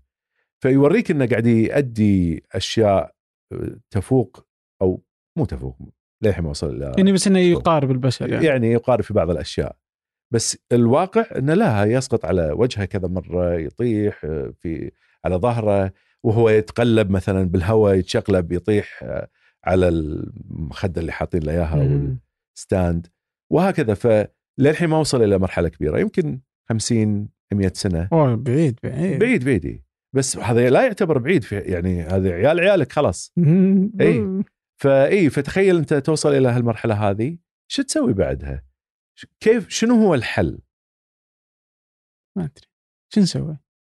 هذه المشكلة. يعني آه، في ناس يعني كذا so الذكاء الاصطناعي واضح إنه بيستقبل بيستبدل الوظائف okay؟ كذا أنا أشوف إنه واضح جدا يعني السواقين كلهم بيروحون. إيه. يعني آه، بالضبط اي Google ca- car وغيره. كلهم يعني إيه. كلهم واضح انهم بيشيلون السواقين يعني شا يعني بس هي مسألة سنوات يعني متى تنتهي المسألة. آه لكن يجي يقول لك ناس كذا إنه أوه لا بس إحنا قدرنا إنه نستحدث. يعني جت الثورة الصناعية وشالت وظائف وجابت وظائف فإحنا يعني ترى إحنا قادرين نجيب وظائف. يعني الإنسان بيخترع وظائف آه، في ذاك الوقت. فإذا جاء ذاك الوقت ما عليك. يعني بتستحدث وظائف إحنا ما كنا ندري عنها. زي ما هو الآن ما كنا ندري إنه بنستخدم أي شيء. يعني ما كانت في وظيفة ما أدري شلون؟ ف بس أنا ما أحس صدق ما أحس إنه الإنسان بيكون قادر على استحداث وظائف آه، آنذاك. يعني وش وش الوظيفة حقتك؟ وش وش فعلا بتسوي؟ يعني الكتابة OpenAI الظاهر إنها سوت تجربة بسيطة إنك تعطيه جملتين وهو يكتب لك مقالة كاملة حلو. آه يعني ما وش بتسوي؟ والله يعني فاهم بنفهم وش تبغى تسوي يعني إيش بيصير وقتها الإنسان يسوي ما أعرف إيه. يعني يقولون no شوف الطيار الطيارات الآن تطير لحالها يعني يعني ما يحتاج أصلا وجود الإنسان فيها مزعج. بس إنه يقولون شفت بس جالسين نحط طيار موجود موجود يعني بس إيه. عشان يراقب يعني طيب هذا ما بطيار يعني والحين انت حاطه كذا بس عشان تدري إنه الناس إيه. بتخاف إذا السالفة يعني إيه،. يعني فهي مسألة كذا بس عشان تبيع. ولا وإذا وصل. بعد إلى مراحل متقدمة نثق فيه خلاص بعد ليش أصلا ممنوع؟ الظاهر إنه ممنوع يمكن إحنا طيران. الإمارات ممنوع إنه الطيار يتحكم فيها عند بعد معين كذا خلاص من الآن ممنوع إنك لأن. الطيارة ممكن تكون أدق منه إي أدق منه كذا فممنوع إنك تظهر فوق ارتفاعات الطيارين يعرفون التفاصيل زيادة يعني تفاصيل بس إنه في أماكن يمنعون الإنسان إنه يتدخل. فكنا منك أنت خليك الله يرحم والديك. إيه. لكنها اليوم الظاهر إنها قادره إنها تهبط لحالها قادره إنها تقلع لحالها بس على اعتبارات بسيطة. وهكذا يعني. لأنها تقدر تنسق ما بين طيارات وطيارات. فاللي أقوله إنه ماني شايف أي ضوء إنه في وظائف ثانية جديدة بتستبدل كل هذه. حتى الوظائف اللي تطلع كلها مهارات عالية جدا. يعني أوه بنشيل طيار الحربي بس إيش نستبدله؟ بقائد لل drones المدري وشلون أو محلل ذكاء اصطناعي طيب هذا الطيار ما يقدر أو بشيل الكاشير بالضبط. وش بتحطه؟ يعني ما يمدي يصير خليني أجاوبك على هالسؤال هذا أنا أدري إن في ناس تعتقد إن آه، لا والوظائف راح تصير إحنا نفكر ونبدع ونطلع ونسوي إلى حد ما بس مو إلى الأبد ففعلا أنت خايف إن الوظائف تستبدل و لأن الذكاء الاصطناعي راح يوصل إلى مرحلة خلاص بعد ما في بشر يستطيع إنه يتغلب عليه. وحتى في الإبداع يعني الإبداع أصبح أنت ذكرت هالمعلومة هذه إن OpenAI استطاعت إن تخلي الكمبيوتر من paragraph واحد من فقرة واحدة إنه ينتج مقالة كاملة. ففي المستقبل ما أحتاج أنا أكتب مقالات لأن الكم... وراح يوصل الكمبيوتر إلى مرحلة إنه يكتب مقالات أفضل من البشر ويتلذذ فيها البشر. موسيقى كان هناك عالم من العلماء استطاع انه يكتب آه يسوي برنامج البرنامج يؤلف موسيقى. طبعا علمه على باخ وشوبان وموزارت وغيره وبعد ما تعلم أنتج موسيقى جميلة إلى درجة إن لما عزفوا الموسيقى هذه أمام جمهور الجمهور تلذذ فيها. لما اكتشف الجمهور أن هذه موسيقى ألفها كمبيوتر تضايقوا. ليش؟ يعني انت خربت علينا أنت معناته أخذت حتى الإبداع اللي كان الإنسان يقوم فيه أخذته إلى الكمبيوتر. وهم كانوا معجبين في الموسيقى لما ما كانوا يعرفون أن هذه أتت من اعلى كمبيوتر لا يعني يعني إحنا اليوم احس في مرحله مرة بدائية في الموضوع ده. بس كذا كل ما يعني اليوم نقول- فهم, فهم الأعصاب بدا بدا الإنسان جالس يعني يدخل في ذا المجال يبغى يفهم شلون أنت صح. تحب الأشياء شلون تكره الأشياء مدري كيف كذا okay بعدين في الأشياء اللي بتدخل جسمك النانو المدري إيش هذه اللي تخليها متصلة بالآلة متصلة بالعالم عدل هذا منطقي إيه. اي هذا موجود اليوم نقدر كذا يعني فمنطقيا إنك تقدر تشوف إنه سبوتيفاي مثلا. قادره على إنها في ذاك الحين إنه ما في شيء اسمه موسيقى للناس كلها. ما في شيء اسمه موسيقى كذا كل الناس. لا هي سبوتيفاي تقدر تفهم أنت وش اللي يحرك مشاعرك تخلي الأغنية تحبها. أنت ما تدري إيش تحب الأغاني أصلا. بالضبط. فتصير أغنية مصممة فقط خاص ناس محمد القاسم فقط. يا يعني, سلام عليك. يعني هذا أنت الحين قاعد تبدع في التفكير شلون نحس الكمبيوتر. وفي المستقبل بس يعني إذا صار هذا الشيء وهو حاليا قاعد يصير من ناحية إنه مو من ناحية الإبداع بس مثلا نتفلكس اليوم أنت تدخل عليه قد تدعي للناس إنك تحب البرامج الثقافية العلمية ولكن لما تفتح نتفلكس شو يطلع لك؟ المسلسلات والأفلام الخيالية والمسلسلات ال- الإجرامية وما ما عارف إيش. نتفلكس تعرفك أكثر من ما تصرح عن نفسك أنت. زين فتخيل في المستقبل نفس الشيء يصير في كل مجالات الحياة. زين الإنسان شنو موقفه في الحالة هذه؟ شوف الخوف اللي عندك موجود عند العلماء وموجود عند الشركات ال- آه، اللي consultancy مثل ماكنزي وحتى جامعة اوكسفورد أنا قرأت لهم آه، مقالات عن تنبؤات. تنبؤات مو بالضرورة تحدث لأن ما حد يدري بالضبط شنو راح يصير. ممكن الإنسان بعبقريته أو حتى بإضافة إليه عبقرية الكمبيوتر يطور شيء ما كنا متوقعينه فوظائف جديدة تف- تنفتح للبشر. ممكن. خلينا نقول إن هذا الشيء ممكن يصير. وممكن أيضا ما يصير. ممكن الكمبيوتر وايد يكون أفضل من البشر إلى درجة إنه ينحيه تماما. طيب شنو الحل في الحالة هذه؟ الحل يونيفرسال بيسك انكم كاحدى الحلول. يعني شنو؟ يعني أنا الحين ما عندي وظيفة خلاص. الحكومة تدعمني الحكومة تعطيني معاش يجري لي دائما موجود وتضمن لي حياة كريمة. مو بالضرورة حياة عظيمة مرفهة مرتاح فيها إنما حياة كريمة كافية لكي أعيش لكي أبحث عن وظيفة إن كانت موجودة. عرفت شلون؟ اليونيفرسال بيسك إنكم يختلف عن ال- المبالغ اللي تدفع للناس اللي ما عندها وظائف عادة هناك خدمات. اجتماعية اي ضمانات. اجتماعية هذه الضمانات الاجتماعية تعطيك الفلوس بس تسحبها منك إذا لقيت وظيفة صح. يونيفرسال بيسك إنكم يختلف شلون يختلف يختلف إنه أنا أعطيك المعاش وحتى لو عندك وظيفة يظل المعاش مستمر معك ليش؟ لأنه يمكن عبد الرحمن أبو مالح اليوم يلاقي نفسه في ثمانية بكرة يلاقي نفسه في مكان آخر. تمام؟ ففي الفترة التنقل هذا تبي تروح لمكان آخر أنت عندك معاش يعطيك سبورت يضمن حياتك وياخذك إلى المكان الثاني بكرامة. وطبقت هذه أو هالنظريه هذه الفكرة طبقت في بعض الدول؟ في فنلندا في الظاهر. في إيه؟ آه. ويبدو أنها نجحت. في ناس تقول لك إن هذا راح يقتل الإبداع وراح يقتل آه، العمل إذا سويت في الناس هذا الشيء بس ما في دليل لحد الحين. لا يعلم ما الذي سيحدث بالضبط. طبعا من وين يبون الفلوس؟ بيل جيتس يقول لك. خذ الفلوس. ضريبة من الروبوتات أو الذكاء الاصطناعي اللي استبدل الإنسان. okay بس الحين okay. يعني هي هذا ال universal basic income نسميه الضمان الاجتماعي كذا 2.0 لنفرض حلو. okay. والله ممتاز. حلو. فالحين هذه النسخة المطورة من الذكاء من الضمان الاجتماعي. إيه. آه يعني في تجربة في فنلندا هذه جربتها على كذا على مجموعة صغيرة وفي تجربة الحين ظهر في واحدة من مدن أمريكا سناسي وش المدينة. الآن إذا أخذنا على كلام بيل جيتس إنه خذ ضريبة. طيب معناته انه بتاخذ ضريبة من من جوجل فيسبوك أمازون عدل. أبل مدري من. اي طيب إحنا شو نسوي؟ أنت مستهلك لا، أنت لا. مستهلك. لا هذه أمريكا تأخذ ضريبة. أنت متخيل؟ اي طيب السعودية الكويت والله مصر. سؤال. يعني إحنا ما نأخذ ضريبة. هذولاك اللي يأخذون يربحون. يا هذولاك اللي يأخذون ضرائب. فالامريكان ما في مشكلة. أمريكا بتجي يجيك ترامب يقول okay بوزع ال universal basic income الضمان الاجتماعي بيعطيه كل المواطنين الأمريكان. عدل طيب إيش بتروح تعطيه السعودية بعد؟ بتعطيه الهند؟ ما أدري. جواب السؤال هذا أنا ما عندي إياه نهائيا. آه، أنا شفت المحاضرات حق universal UBI بس ما أعرف شنو جواب هذا السؤال. ما عمري صدمت فيه حتى يعني. مم. سؤالك ممتاز جدا.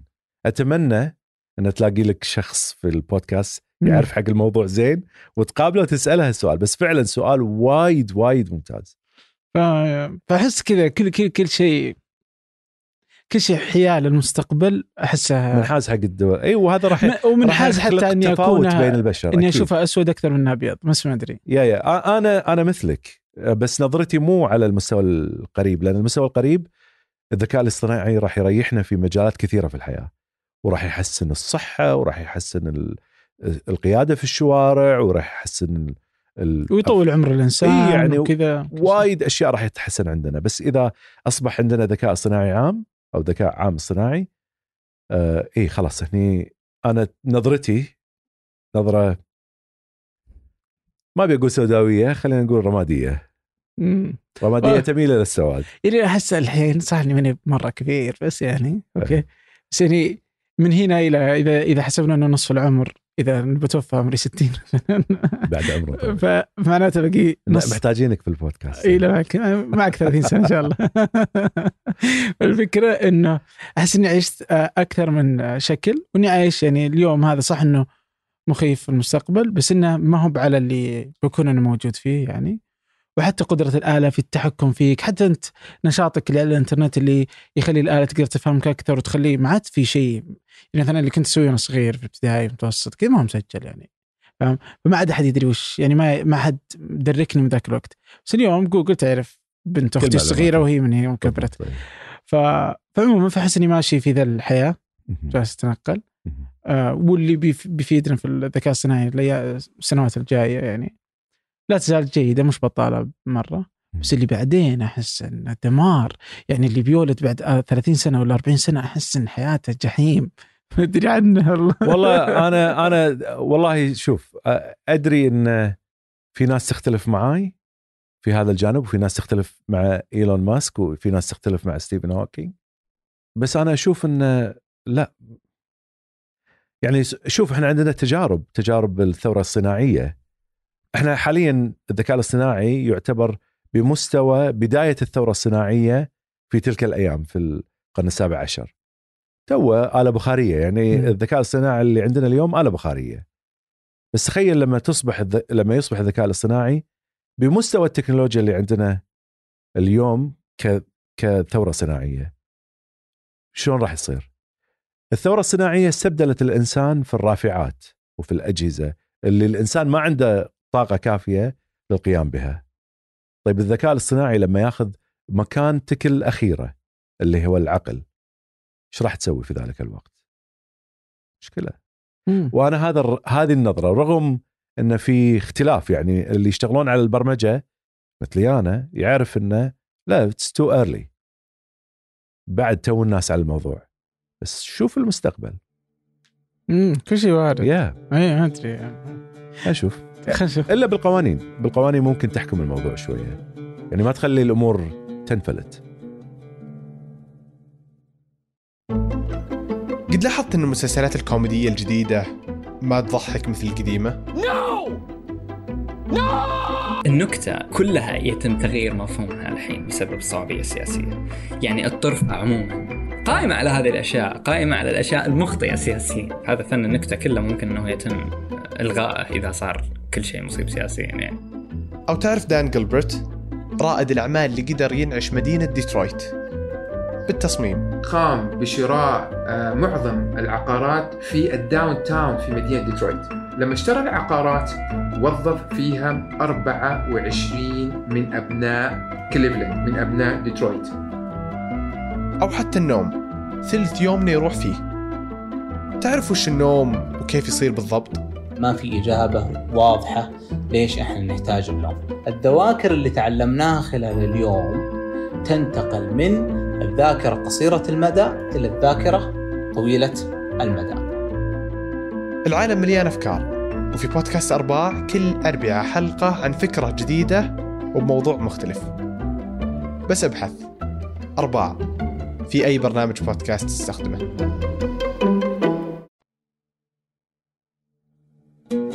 هو إيه بس إنها بتصير بتصير بتصير يعني يعني أحيانا مثلا أجي أقول أوكي يعني أنا عشان أدخل دولة مثلا معينة أنا بحتاج إنها تروح مثلا تعطيني تصريح بالدخول علشان جواز مدري إيش كذا. وإنه مفترض إنهم يعرفوني وتخيل انه واحد سوى مصيبة في مكان ما ما عاد يقدر آه خلاص كل العالم سجل عليك هذه المصيبة ما عاد يمديك تروح مكان ثاني. بس اللي زمان يعني كذا لو غير حياته يمدي يروح مكان ثاني. انتهت انتهت أي. الحياة يعني. أنا متأذي من اسمي. شو؟ محمد قاسم. دور محمد قاسم على النت. بدري تشوف مصايب. هالاسم هذا كله مصايب. زين في ما عدا لاعب كرة القدم. زين فتلاقي اشياء زين تخيل الحين أنا أدخل اسمي محمد قاسم والذكاء الصناعي. مو عارف الفرق بين الأثنين الشيء الشخص السيء وال ممكن ما أدخل دولة معينة. مم. أنا وقفوني على اسمي في أمريكا.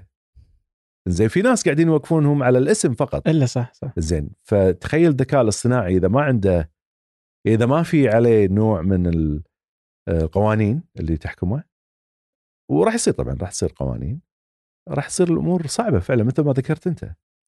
حتى كذا اللي بعدين قدرة الحكومات على إنها معرفة وانت إيش تبغى تفكر فيه ترى أن هذا اللي يخوف بعد يعني حتى كذا اللي خلاص ما عاد عندك خصوصية خصوصيتك معدومة تماما يمكن حتى افكارك قبل تفكر فيها أفكار اللي أنت ما تدري إنك جالس تفكر فيها إيه. هي أوه الناس عارفينها. فاهم كذا اللي خلاص تصبح أنت كذا اللي أنا وش جالس أسوي على على طاري الأفكار وفعلا ترى الحين قاعدين العلماء يشتغلون على إنه يستخرجون الفكر من راسك يعني حتى الفكرة اللي تدور بذهنك. قاعدين يحاولون يطلعونها ونجحت بعض التجارب. أي في في فيديو معروض ولو إن الصورة مو واضحة علماء يستخدمون الاف ام ار اي فانكشنال ام ار اي ويحطون تحت الناس وياخذون طبعا للحين ال MRI مو resolution عالي وضوح عالي بس بهالمعلومات البسيطة استطاعوا ان يرسمون ما يتخيله الشخص. شلون؟ بإدخال. يعني راحوا على اليوتيوب جمعوا فيديوهات وهالفيديوهات دمجوها مع بعضها بطريقة معينة بحيث تبين أنت شنو قاعد تفكر فيه. تقريبا فتخيل اليوم تقريبا بكرة لما تصير الأجهزة داخل مخك يعني إيلون ماسك الحين عنده Neuralink شركة. Neuralink اللي راح يحط أسلاك بداخل مخ الإنسان طبعا هذه موجودة already يعني في بعض الناس اللي عندهم إصابات في الجسد آه، في الحبل الشوكي مم. يأخذون إشارات من مخهم ويتحكمون في بعض الأشياء. التكنولوجيا لا زالت بسيطة ولكن تخيل في المستقبل لما تدمج مع الكمبيوتر hacking. انت بمخك يسوون له hacking بالمستقبل. يعني في يعني في تخيل زرعوا ذاكرة آه، مزيفة في آه، مخ فأر. شلون حطوا يابوا فيران. وح... أو فار وحطوه في قفص مريح في أكل وكل شيء مرتاح منه حياته تمام فشعوره بالراحة طبعا شنو مسوين آه، يعني نما بدي ان اي معين معدل بحيث إن الدي ان اي هذا إذا أصبت المخ بإشارات ضوئية آه، تطلق إشاراتها الكهربائية وتفعل فعلها. فخذوا الفأر هذا حطوه في مكان ومربوط وهو تشوف عليه سلك فحطوه في غرفة مرتاح فيها وخذوا الإشارات اللي يفكر فيها بالراحة. بعدين انقلوه إلى غرفة تحته أكو شبك شبك يكهرب ريله فيتكهرب يصرع ويروح يحاول في زاوية معينة يهرب مكان من المكان هذا لأنه مخيف بالنسبة له. زين فخذوا الإشارات الخوف اللي موجود في ذهنه. بعدين لما يرجعونه إلى الغرفة اللي فيها هدوء ماكو مشكلة. بس يدخل إلى المكان الحين ما في داعي كهرباء خلاص عرف المكان. إلى المكان اللي كهرباء شنو يصير؟ يصير عنده خوف ويتراجع شنو سووا بعدها؟ خذوا الفار وحطوه في الغرفة اللي ما فيها أي مشكلة ودزوا إشارات الخوف في ذهنه وزرعوها في ذهنه. أصبح بعد ذلك كل ما تدخله إلى الغرفة اللي يخاف منها اللي ما يخاف منها منها. قام يخاف منها. يعني فكرة ما كانت أصلا في رأسه وما في داعي أصلا يخاف. ولكنه أصبح يخاف. تخيل باكر يهكرون مخك مخي مخ أي إنسان ويزرعون فكرة معينة في ذهنك في الحقيقة ما لها أصل. زين فهذه كلها احتمالات تصير طبعا ما لم تكن هناك قوانين. إحنا عشمنا بالقوانين. إي ما تسوي أي شيء من هذا. بس الهاكرز الحين يصير يغسل مخك بضغطة زر. طبعا يزرع فكرة في ذهنك. طبعا لن تكون بهذه البساطة يعني. لا تتخيل إن الموضوع سهل لأن كل مخ يختلف عن الآخر فما تقدر بسهولة يعني تبرمج مخ. لازم تركب عليه أجهزة وتاخذ منه اشاراته تعرف شلون يفكر وبعدين تزرع فيه أفكار. بس المسألة إذا وصلت يوم من الأيام انه أصبح الأمر سهل. الهاكر مو ما لا يلتزم بالرقابة والقانون. مم. إي هو ودام إنه معرض دام إنه إنترنت ودام إنه في هذا فهو معرض للاختراق. طبعا. يقدر يخترق كذا سيارات ناس. السيارات اللي تمشي على الذكاء الاصطناعي معرضة للاختراق. ممكن واحد حتى الذكاء الاصطناعي ممكن يسوي مشكلة. هو بنفسه. هذه واحدة من الأشياء اللي قالها إيلون ماسك. يقول تخيل معاي إن أنت في دولة وهذه الدولة آه، فيها مثلا أسهم بيع أسهم وشرائها وغيرها كل الدول فيها طبعا. أقصد يعني إن عندنا دولة تهتم في هذا بشكل كبير ولا تهتم في حياة البشر على سبيل المثال. ويت وما ما علمت الذكاء الاصطناعي على الأخلاق البشرية اللي إحنا ما نعرف شنو هي للحين لأن كلنا مختلفين بالأخلاق بشكل عام. أو بشكل خاص. الحين هذا الذكاء الاصطناعي يتحكم في الأسواق، عنده بيع وشراء ويتحكم في الكهرباء ويتحكم في الطيران ويتحكم الذكاء الصناعي عام شامل وضخم و... زين. قال تعال الأسهم مالت الشركة اللي أنا قاعد أشتغل فيها أو الدولة اللي أنا قاعد أشتغل فيها انخفضت. وطريقة حل هذه إني أسوي حرب في دولة معينة. أسقط فيها طائرات أرسل إليها صواريخ وأدمرها مثلا. علشان بس الأسهم ترتفع هني امم فممكن الذكاء فيسوي الاصطناعي ينفذ فيسوي ويرسل اي ممكن. اي فتخيل يعني طبعا هذا هذا آه، سيناريو Terminator ها؟ مم. ولكن بس انه ممكن يكون أسهل من كذا؟ إنه هو يكون يقدر يخترق الدولة ذيك فيقدر يطفيها. اي ممكن يعني يسوي لي. أسهل من إنه مجرد طائرات. يعني بالضبط. ممكن ينهي لأنه اليوم كلنا مرتبطين بالإنترنت. والذكاء الصناعي ممكن يبدأ يكتشف اتذكر مرة كذا كان رامي الشافي يعني هو يعني مهتم بالذكاء الصناعي كذا فيقول أنا ما كنت أخاف منه إلى أن مرة سويت برنامج ورحت سويت كذا وجلست أسوي برنامج شلون نمت صحيت لقيت برنامج أخترق برنامج اللي أنا مسويه كنت حاط كذا. فكذا اللي قال يعني كذا اللي إذا هو اكتشف وين الثغرة فيقدر يكتشف ثغرات الحالة. يا إيه. يا. طبعا طبعا. هذه وف- التكنولوجيا في تنافس بين الهاكر وبين ال- بين الشر والخير. اي ومن يحدد الشر والخير؟ هذه تجي ال- ال- ال- الأشياء الأخرى. بس برضو على فهم العقل أحس إنه يعني هو مشروع جديد بدأ يهتم فيه اليوم. أتوقع أمريكا بعد سالفة أوباما يوم قالوا إنه نبغى نهتم بالعقل مشروع إيش يسميه؟ The Brain Project The Brain. اظن في أوروبا. آه، والثاني أيضا عندهم project يعني كذا ظاهر إنه. كان كذا يقول في الخطاب دافعين. مليارات إيه. مليارات أذكر أوروبا متفقة وحاطين مو أقل من 10 مليار دول آه، دولار. للموضوع هذا لفهم المخ ل يعني فهمه على مستوى الجزيئات شلون ينش ينقل اشارات طبعا في فهم له بس فهم مبدئي يحاولون يطورونه الحين بحيث إنه يسوونه داخل الكمبيوتر ومن الكمبيوتر يبدون ياخذون منه المعلومات. هم الهدف الأخير إنه نوصل كما آه، يفكر الإنسان من خلال هذه الشبكة اللي موجودة داخل المخ. والإنسان عبارة عن هذا المخ. أوكي في ناس تقول لك مثلا الإنسان عبارة عن حتى الجسد لأن هناك وصلات آه، عصبية متصلة بالجسد وهناك الجات تمام أيضا له تأثير على المخ. فأوكي بس يظل إذا عرفت أنت التركيبة الرئيسية لهذه الشبكة خلاص أنت عرفت البشر وتقدر تطورها زيادة وتصير أفضل. مم.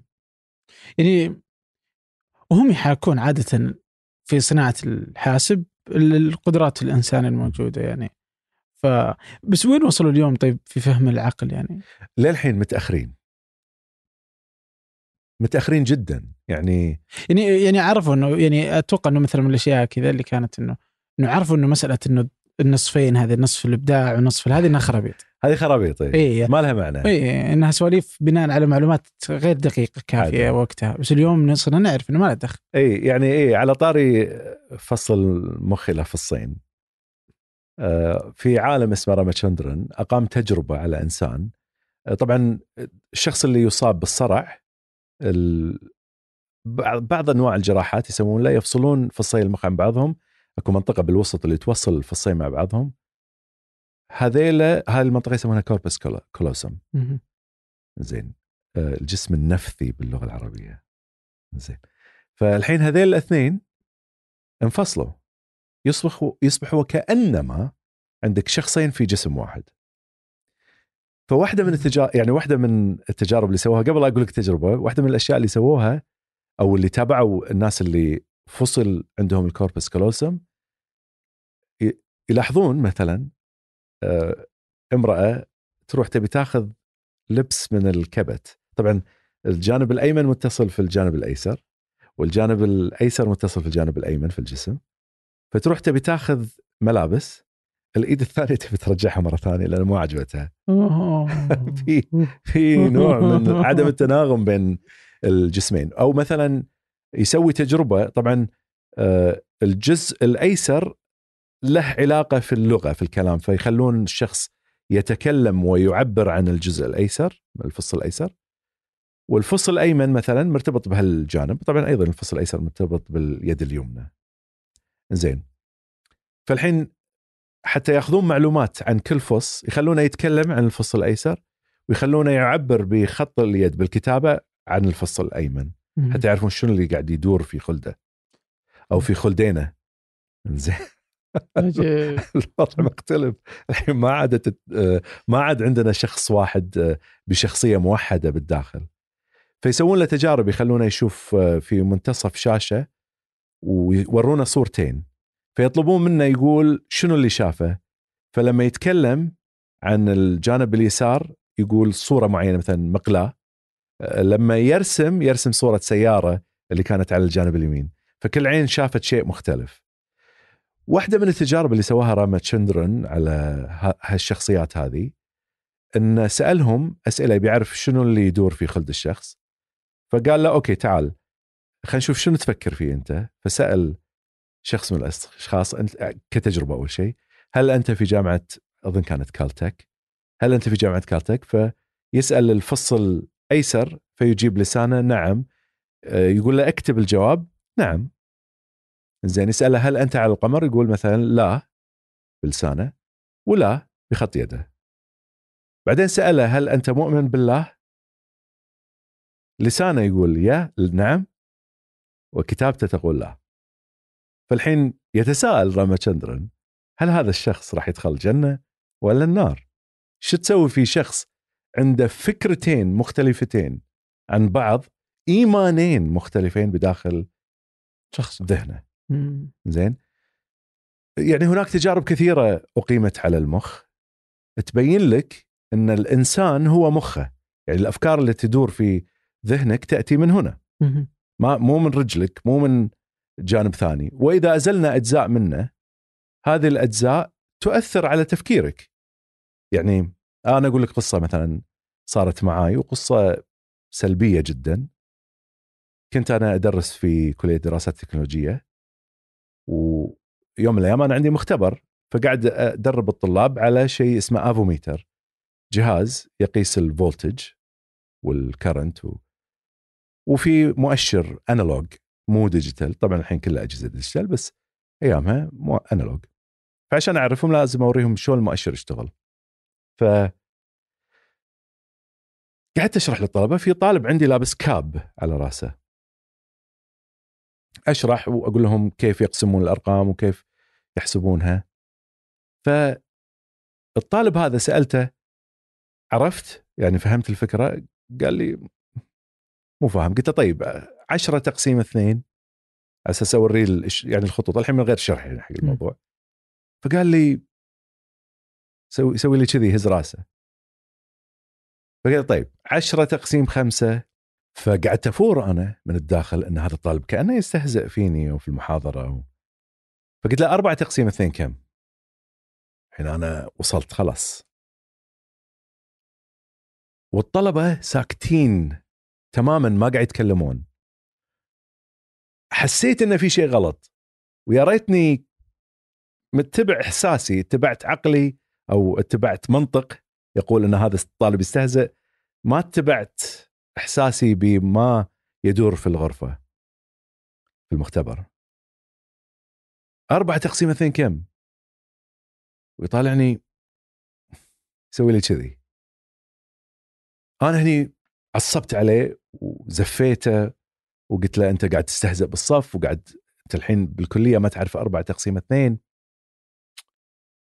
الطلبة ساكتين أطالع عن الطلبة أشوف إذا طالعت واحد ينزل راسه يسوي كذي. هم عارفين شيء أنا مو عارفه. أوكي. المهم طلع ال- خلص المختبر طلعوا الطلبة. قعدت أرتب المواد اللي موجودة حطيتها في الأدراج. أسمع الباب يطق. دخل الطالب إلى الداخل درت ظهري عليه. جاي أنا مرة ثانية أزفه على الوضع هذا. قال لي دكتور أنا أعتذر منك. وساعته تنح يعني ما أقدر ما أفكر بشكل سليم. ورفع الكاب. رفع الكاب ولا راسه. هالمكان هذا ربعه تقريبا. طاير. أنا طبعا انهرت. عرفت إنه يعني وضع ما يسمح له. الطالب هذا كان يدرس في الجامعة ويوم من الأيام طالع في السيارة اصطدم في سياره ثانية. العمود العمود اللي موجود اللي على الشباك هذا انعوى انحنى ودخل براسه. مم. وشال جزء من مخه. ولذلك أحيانا هو شاطر. طلع شاطر يعني. ولكن أحيانا آه، مخه الظاهر الإشارات ما توصل. على سؤال بسيط مثل هذا. أنا طبعا قعدت أعتذر منه اعتذار شديد لأن ما كنت أدري والطلبة يدرون وأنا ما أدري. زين يا ريته يعني قايل لي هالكلام من بداية الكورس لأنه هو طالب شاطر يعني. زين فما كان يحتاج إن يشكي يقول إن هذا وضعي. لأن إذا إذا الأمور كانت تمام يقدر يحل. إذا الأمور أحيانا يمكن أنا حطيته تحت ضغط ضغط اي فالإشارات تلخبطت. فتخيل الحين تشل جزء منه شل جزء من حساباته. مم. عالم ثاني من العلماء اسمه أوليفر ساكس. مم. توفي قبل فترة عالم أعصاب. كان جاي له مريض من المرضى الغريبين. هذا كتب في كتابه الرجل الذي اعتقد خطأ أن امرأته قبعة. زين. يقول هذا العالم إن هذا الشخص ياله بعد ما طبيب طبيبه الشخصي قال له روح حق عالم أعصاب لأن أنت مشكلتك مو عندي. شكى لطبيبه الخاص انه مخه عفوا شكى له إن عينه فيها مشكلة. ففحصه لا في سكري لا في عينه في مشكلة. يعني شنو مشكلته؟ انه هو أحيانا ما يعرف طلبته. أيضا دكتور جامعي ما يعرف الطلبة. واحيانا وهو ماشي برا. تعرف ال fire hydrant هذه مالت الأطفاء اللي على الأرض؟ أحيانا يجي يربت عليها يحسبها طفل صغير. زين فراح للطبيب قال له أنا في ناس تقول لي في ناس تقول لي. هو- ما هو ما يدري. تقول لي إن أنا. عندي مشكلة فيت افحص فالطبيب فحص له ما في عيونك ما فيها شيء. روح لأوليفر ساكس عندك شغلة يمكن في المخ. مم. راح للطبيب أوليفر ساكس قاعد يفحصه أوليفر ساكس وهو يفحص. لاحظ إن هذا الشخص ينظر لأنفه لعينه بس ما يشوف الصورة الكاملة. زين وهو قاعد آه، يعني فحص ركبة فحص نظرة فحص الفحوصات اللي يسوونها أنا ما أعرفها. المهم أوليفر ساكس طبعا كان نازع حذاءه هذا الشخص أثناء إجراء التجا- التجارب عليه.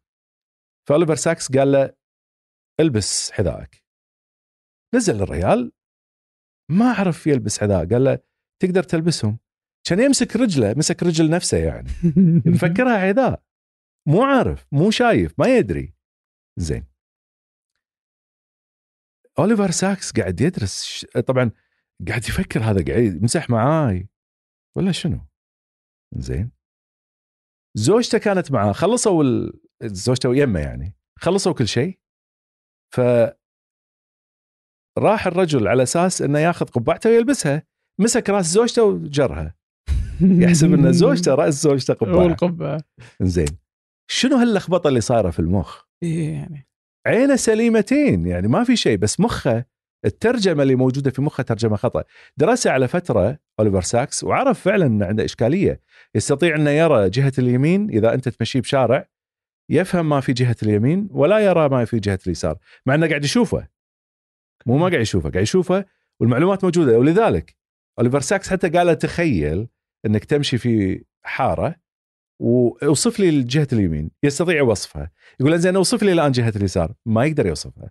زين يقول له دور الحين وامشي العكس. يقدر يوصف. يوصف؟ ما يقدر يوصف هذه. يجد إنه مثلا يشوف الصور يشوف التفاصيل اللي فيها بس ما ما يعرفها كاملة حتى كان مثلا صورة أينشتاين عنده يعرفها من الشعر بس ما يعرف هذا ككل من يعرف إن أينشتاين من شعره يعرف أخوه من أنفه عرفت شوف. إي فيعني المعلومات هذه موجودة في المخ بس ملخبطة ليش؟ لأن في توصيلات خطأ فيها. كثير من التجارب اللي تقام على البشر تبين إن هذه الوصلات كلها موجودة في المخ. كل هالأفكار اللي عندك أنت بنيت أنت أنت نفسك تعتبر مخ. زين فحتى في ناس يعني على سبيل المثال في ناس عندهم مرض من الأمراض إنه يعتقد ان مثلا رجله ليست له. من اللي قاعد يقول له هالكلام؟ مخه. زين كهرباء وكيمياء wetware hardware software wetware هذه طبعا هذا اصطلاح دانيال دينت. زين فانت الحين عندك المخ قاعد يقول لك حتى أنت منو. زين شخص يعني لدرجة إلى هذه الدرجة هم يريدون أن يتخلصوا من رجلهم أو إيدهم أو عينهم. واحدة فعليا فعليا كانت تعتقد إن هذه ليست لها إلى درجة أن صبت عليه مواد كيميائية وعدمت عيونها تماما الآن عمياء وهي مرتاحة نفسيا. مخها مريحها يقول لها خلاص الحين أنت ارتحتي تخلصتي من الشيء الذي ليس لك. زين. يعني آه، هل ممكن يكون. عجيب يعني له علاقة مثلا باللي نقول إنه آه إنه هذا. هذا جني يعني ما ادري بس.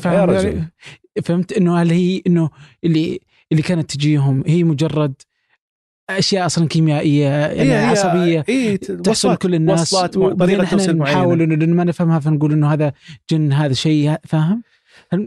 إيه ممكن لا؟ انت لا تدخلنا على الدين خلينا في العلم أحسن لأنه لا مو بس يصير حتى في الاسلام يعني. لأنه في الاسلام كل الأديان لا لا ما في. يعني لا، في يعني مثلا زي مثلا الشعر إنه في ناس تحس إنه الشعر موهبة يعني. لا لا في اللي كذا. لما تتجلى أنت كذا يجيك يقول لك آه، آه يسمونه؟ جن الشعر ولا مدري شو- شيطان الشعر ولا ما أدري ما فهمت؟ لا لا, كذا يقول لك حتى بعضهم يقول لك أوه هذا الشيطان حق اللي يكتب لأنه فجأة كذا يكتب كل شيء. فهمت؟ لا هالكلام هذا وموجودة في أكثر. في العصر الحالي لا. يعني حتى كثير من رجالات الدين بدأوا برفض هذا المنطق يعني إنه في شيء يخليك تفكر بأفكار شيء شيء يخليها. يعني أحس إنها لو لأن هذه أحس إنها لو كذا كانوا بيقولون إنها فيها شيء. فيها جن لا لا. إيه، لا لا هذه خلايا عصبية. الخلايا العصبية هي اللي تخليك تفكر بطريقة معينة. Interesting. زين يعني إي خليني أكمل. لك كمل كمل. لأن أنت. تبي تدخلني في مكان آسف، لا، لا، عويص جدا. بس أسأل يعني. إي. ف ال- اللي قاعد يصير شنو؟ إن هذيل الناس حتى في بعضهم يروحون يسوون عمليات جراحية في دول أخرى. لاستئصال الرجل أو اليد أو ما شابه ويرتاح بعدها. يرتاح إنه وصل إلى الحالة اللي المفروض يوصل لها. فمن اللي قاعد من اللي قاعد يأثر عليهم هالتأثير هذا؟ المخ. زين فالحين لما العلماء يدرسون المخ يبون يوصلون حق مثلا علاج بعض أنواع هذه الأمراض، كيف كيف المخ متركب اللي يعطيك هالصورة الذهنية الخاطئه عن نفسك اللي تحاول أن تلغي ذاتك زين أو مثلا لما إنسان يصاب بألزهايمر تدريجيا يبدأ يفقد ذاته زين يعني مو يفقد مو يفقد رجله ولا إيده يفقد شخصيته معرفته ذاكرته بأهله باللي ارتبط فيهم. زين ف يعني حتى أنت لما تسأل شخص أنت من تكون هل أنا إيدي؟ يقول لا لو فصلت يدي ابقى أنا ابقى أنا مم. لو فصلت رجلي ابقى أنا لو فصل صدري ابقى أنا لو غيرت قلبي للناس تغير قلوبهم اي ابقى اي في ناس تغير قلوبهم ما حد نعم. يحاسب يقول والله لا أنت تغيرت. آه صرت شخص ثاني شخص ثاني؟ لا. آه. يقول لك أنت نفس الشخص بس إذا غيرنا مخك. ما أدري. خلاص. يعني هل الوعي. الوعي- هو إنه هو ال consciousness هو الوعي. هو اللي يكون الوعي إحنا ما ندري الوعي شنو. إي ما okay. فالوعي اللي قاعد يصير عندنا قاعد يصير من المخ نفسه. okay. وحتى الوعي ترى على فكرة الوعي يتكون أثناء رحلة عمليات المخ يعني دراسة من الدراسات آه، درسوا أشخاص حتى يعرفون ما إذا كانت آه، كان يصير عندهم الوعي في مرحلة متأخرة بعد اتخاذ القرار ولا أثناء اتخاذ القرار يعني مثلا أنت تفكر إن الحين تبي تروح إلى المول. هل قرارك صار أثناء وعيك فيه ولا قرارك متخذ مسبقا قبل لا يصير عندك وعي فيه. وسووا دراسة عليها أوكي. وشافوا ان الإنسان يعي متأخر. يعني آه، قالوا لشخصيات ان تعال أعطيك رقم سبعة وستة حط بينهم إشارة جمع أو طرح. والحين قاعد يسوون له functional MRI ويأخذون المعلومات يدزونها إلى الكمبيوتر ويخلي الكمبيوتر يحللها. زين. فهل يستطيعون التنبؤ بما يفكر به من إشارة قبل لا هو يعي بهذا بذلك ولا لا؟ وطلع يستطيعون ان يتنبؤون بالإشارة اللي يفكر فيها قبل لا هو يعلم إنه هو فكر فيها. لأن هناك عمليات كيميائية وكهربائية قاعد تصير في المخ. هذه كلها بالأخير تسوي عندك وعي تسوي عندك الفكرة. إحنا نفكر إنه آه أنا قررت الحين. ترى في أشياء قاعد تصير داخل قبلها اللي توصل إلى القرار ثم تعي أنت بها. فايضا هذه كهرباء كيمياء وطبعا الوعي غير معروف للحين. فالعلماء قاعدين يحاولون يشوفون هذه البرامج اللي قاعد يسوونها للمخ هي هذه الأفكار اللي قاعدين يحاولون يطورونها علشان يربطون الخلايا بطريقة اللي يربطها المخ ويوصلون إلى نتيجة انه هذه الأمراض اللي تصير عند الأشخاص تصير بهالشكل التفكير يصير بهالشكل القرارات تتم بهذا الشكل وهكذا. وبالأخير يبرمجونها في الكمبيوتر يصير الكمبيوتر أكثر ذكاء أكثر من ذكاء يعني. عجيب في فرق لما تقول المخ تقصد بالمخ ولا الدماغ ولا وين الدماغ هذا الدماغ. هذا كله. آه. وطبعا في ناس الحب الشوكي معاه وفي ناس الجت معاه. اللي هو الجهاز الهضمي؟ آه، الجهاز الهضمي آه، معاه لأن بعض البكتيريا تأثر على المخ. في بعض الدراسات تقول هالكلام. مم. بس يعني ال- أغلب العم هو هني. اي لأنه حتى لما بعضهم لما تأخذ أدوية تقتل البكتيريا يعني لأنها فلما تأخذ بكتيريا نافعة إنها تغير على أس- تغير احساسك إيه بالضبط مم. ففي هالأشياء قاعد تصير بس بشكل عام يعني آه، آه، الجهاز العصبي يعني هو الإنسان عجيب. الله عجيب طيب في طريقة انه الواحد ي... يشتغل على مخه. جهازه العصبي والمخ إنه يكون يحسن. يحسن يصير أفضل إي طبعا شو؟ يعني تقدر تسوي بعض الأشياء البسيطة طبعا أنا في السابق كنت أبحث شنو تاكل. زين لأنه سهل تحطه بحلجك وتنسى. ف أو مثلا أفكر شنو الأشياء اللي تركات تسويها بس ما في تركس. ما في تركس يعني حقيقية. لازم تبذل مجهود. زين. واحدة من الشغلات طبعا خلينا نخلص من التركات البسيطة. آه، اللي ما هي بسيطة بسيطة يعني منها الرياضة. الرياضة لازم تسويها. على الأقل ثلاث ثلاث مرات في الأسبوع. تمشي 40 دقيقة في اليوم أو كل يوم 30 دقيقة.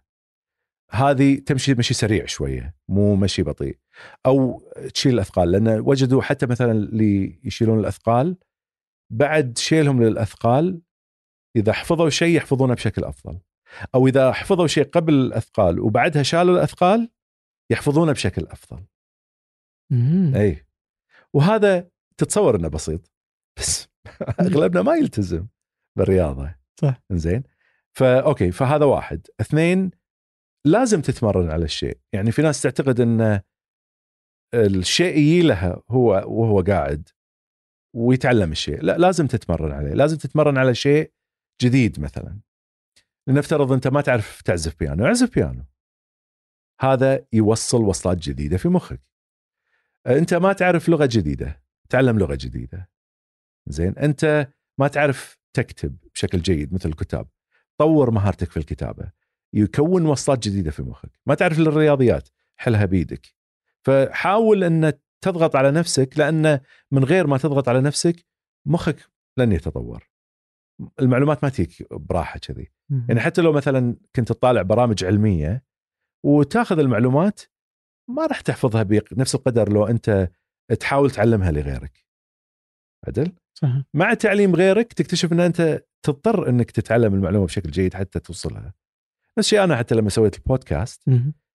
وايد من المعلومات ما أعرفها. أنا تكونت شخصيتي العلمية من خلال نشري للعلم تعلمها. زين فنفس الشيء أي إنسان يريد أن يطور مخه وهناك تجارب تبين إن الخلايا العصبية تمدد أطرافها آه، يسمونهم axon terminals تمددهم وكذلك آه، الأطراف الأخرى من رأس الخلية من جسم الخلية تطلع وتتمدد وتنتظر بعضها. الحين هذا الانتظار إذا أنت فعلته من خلال التمرين يلتحمون مع بعض. طبعا يلتحمون بأطرافهم بالقرب من بعض. وتبدأ الإشارات تنطلق وكل ما تمرنت زيادة كل ما كان أفضل. التمرين يربط هذه الأشياء مع بعضها إذا ما تمرنت العلماء شافوا وهذا شافوه في مخ الفئران إن الخلايا العصبية تبدأ تبتعد عن بعضها. ما مرنتها يعني كانت فرصة حلوة. طبعا هي باستمرار تتمدد وترد وما شابه بس استغل الفرصة. حاول إنك تربط الخلايا العصبية. شيء فالتمرين آه، التمرين الرياضي ممتاز ممتاز جدا بعد. يعني العلماء يعتبرونه من الأساسيات للمخ خصوصا مع الكبر آه، اثنين آه، اللي هو قلنا التمرين على الأشياء الجديدة المخ يكون روابط لأشياء جديدة لأن أنت في المخ آه، إذا تعرف الشيء خلاص روابط روابطة موجودة already فليش يحاول ينمي له روابط جديدة؟ ما يحتاج. زين بعدين النوم okay وهاي حلوة لأن بعد شنو أحسن من النوم يعني نام ماكو شيء أحسن. ناموا تصحوا ف في في شكل للنوم يعني معين لا لا عدد إيه، ساعات عدد معين. ساعات عدد ساعات المناسبة لك يعني في ناس آه، ال average ثمان ساعات سبع ساعات إلى ثمان ساعات وحتى لو تقلل بمقدار 40 دقيقة من هذا يأثر على أدائك على أداء. مخك يعني مجربين تجارب على طلاب الطالب اللي حتى بقدر 40 دقيقة يتأثر إلى درجة إنه مستواه يقل بمستوى الشخص اللي آه، ضعيف علميا مثلا دراسيا مم. ف- 40 دقيقة نوم آه، 40 أقل. دقيقه تاثر اي ما بالك آه. أكثر من شيء آه، أذكر طيب قبل كانوا يقصون علينا يقولون لا حاول ما تنام إلا أربع ساعات وت- عشان تنتج مم. طلع لا تنتج أفضل إذا تنام يعني الحين مثلا هذا يعني إيلون ماسك أحس أحيانا صاير صاير- ما ينام لا يعني يقول أوه اللي اللي ينام أكثر من ست ساعات هذا ما ما يقدر يسوي شيء. لا هو يمكن هو شخصيا جسمانيا يتحمل. في بعض الناس اي يتحملون. مم. الكبار بالسن أيضا ينامون أقل. الصغار بالسن أكثر ينامون. مهم. فنام لأن النوم يربط يعالج المعلومات ويربطها مع بعضها. واجريت تجارب على فئران يعطونهم ميز المتاهة. أه، وجدوا أن إذا ناموا أه، أخذوا قسط من الراحة ثاني يوم يعرفون الميز أفضل. من اللي ما ينامون بشكل جيد. فأنت الفكرة شنو؟ إن النوم يساعدك على ربط المعلومات مع بعضها. الطلاب اللي قاعدين يدرسون في المدارس والجامعات ليش دائما ينصحونهم إن يحاولون يدرسون المادة بوقت مبكر؟ لأنه يعطيهم الفرصة للنوم ومعالجة المعلومات بالمخ ويصيرون مم. أفضل في الإجابة عليها بدل من إنك تسهر آخر الليل آخر يوم طول الأسبوع قاعد تلعب وآخر الليل تجي. علشان تدرس. عرفت شلون؟ وكذلك تعلم الموسيقى العزف مش السمع مهم. العزف أيضا يقوي المخ وفي دراسات عليه من نيتشر وغيره تبين تعلم الموسيقى تقوي مخك ولفظك وسماعك وأشياء كثيرة يعني تتقوى مع سماع الموسيقى مع عزف الموسيقى عزف الموسيقى يا. ايا يكن نوع الموسيقى ولا في يعني ناي لا لا لا أي يكون نوعها بس مو معناته إن هذا ينطبق على كل أنواع الفنون مجربين يعني مقارنة بالرسم والأشياء هذه مو نفس الشيء الموسيقى أفضل أنواع الفنون اللي تقوي مخك. متأكد ما أنت منحاز عشانك هذا- موسيقي؟ هذا لا, لا هذه بنيتشر منشورة و- منحاز طبعا منحاز يعني للموسيقى بشكل عام ولكن آه، علميا خلاص هذه ما فيها ولا حتى الانحياز تأكيدي confirmation bias ممكن. طيب آه خليني بنتقل لنقطة ثانية مهمة. أحس أنها مؤخرا كذا صارت في قرأت تغريدة. كانت آم، آه يعني على جوجل. جوجل أنها آه أنتجت كمبيوتر كمي يعني الحاسوب الضخم هذا الكمي. وكذا صاروا الناس يعني انه يعني هو مهم جدا يعني. وأتذكر حتى فيه آه حلقة سابقة مع الدكتور إبراهيم مسلم. أنا إبراهيم سلم رهيب بس لا يعني الدكتور في مصر آه آه، دكتور مصري في جامعة نيويورك آه حلقة سابقة ضاع من من حلقة منو؟ أنت؟ إيه عندي كان أوكي. دكتور فكان يتكلم عن الحاسوب كم محمد زهران. okay. دكتور محمد زهران آه، حاسبالي في جامعة نيويورك. ما أعرفه. فكان يتكلم لازم أخذه عندي بالبودكاست يعني. امم رهيب رائع أوكي. بيجوز لك مرة يعني. آه ف فعموما ف- فاهمية الكمبيوترات الكمية لل, لل... وإنه من يصل إنه في تحدي كان يشرح الدكتور محمد زهران إنه في تحدي ما بين أمريكا والصين. في من اللي يقدر يوصل لرقم كذا واللي يقدر يطلع بالجهاز الكمي. آه كانوا يقولون يعني كذا. طبعا جوجل سوت التجربة الأخيرة هذه. آه كان يقول لي يقدر يوصل للاول هو اللي بيسيطر على الاقتصاد العالمي كله. إيش دعوة أمريكا مسيطره الحين؟ لا يعني إنه مسيطره يعني إنه بيقفل يعني إنه هذا يعني هو كل ما تغ... يعني العلم بشكل عام أنا ليش أدعو للعلم؟ قاعد أدعو للعلم لهذا السبب لأن الدول المتقدمة متقدمة بسبب العلم.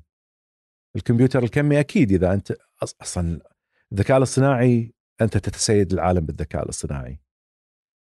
آه، الكمبيوترات يعني تسيد واضح آه، الكل قاعد يحاول حتى يتسيد بال5 جي فالتكنولوجيا والعلوم تخليك تتسيد هذا مؤكد الكمبيوتر الكمي أكيد هذه واحدة بس من المراحل البشرية اللي قاعدين نمر فيها الحين لعمل كمبيوتر جديد مختلف عن الكمبيوترات اللي قاعد نستخدمها. وجوجل وصلت يعني وصلت بين قوسين. هذه فكرة التسيد الكمي فكرة أتت من عالم اسمه جون بيرسكل. هو اللي أول واحد كتب الفكرة في ورقة علمية وحاول إنه يبين إذا وصلنا إلى مرحلة إن الكمبيوتر الكمي استطاع أن يقوم بشيء لا يستطيع الكمبيوتر العادي يؤديها في فترة قصيرة يعني لازم تكون مثلا ألف سنة. فأنت تسيد وهذا اللي ادعته جوجل إنه بحسب البرنامج اللي سووه على كمبيوتر كمي إن است- استطاعوا يسوون عمليات معينة باستخدام الكم- الكمبيوتر اللي الكمبيوتر العادي يحتاج إلى عشر آلاف سنة عشان يسوي. عشان ينفذها طبعا IBM ردت عليهم قالت لهم لا الكلام مو صحيح إذا سويتوا البرمجة بطريقة معينة بالكمبيوتر الاعتيادي التقليدي الكلاسيكي تستطيعون أن تنفذوا الأمر في يومين ثلاثة. ف يعني هناك تحدي لأن تدري هذه أسبقية من يخترق هذا التعريف الجديد اللي وضع جون بيرسكل مهم لأنه يعطي صدى عالي للشركة اللي أنت تنتمي لها.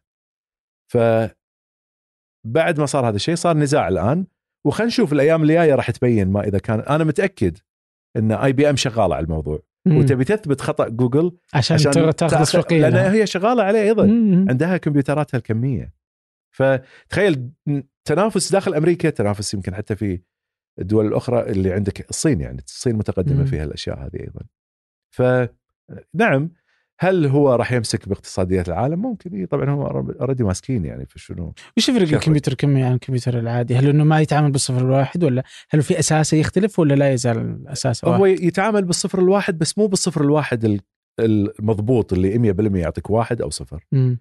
إحنا عندنا المكان الذاكرة اللي تحط فيه الصفر أو الواحد يا تحط فيه صفر يا تحط فيه واحد أو ما تقدر تخزن فيه معلومة ثانية الكمبيوتر الكمي هو حالة بين الصفر والواحد فتقدر تحط مجموعة من البتات أو الكيوبتس يسمونها مع بعض وكل واحد بين الصفر والواحد وتقدر تسوي العمليات مع بعض مم. على أرقام متعددة في نفس الوقت تطلع إجابات سريعة هاي كتبسيط يعني طبعا الحلقة الأخيرة كانت ال- ال- الأحدث من بودكاست آه، آه، سايبر بودكاست كانت بحطها في وصف مع. الدكتور اي شكرا لك. آه.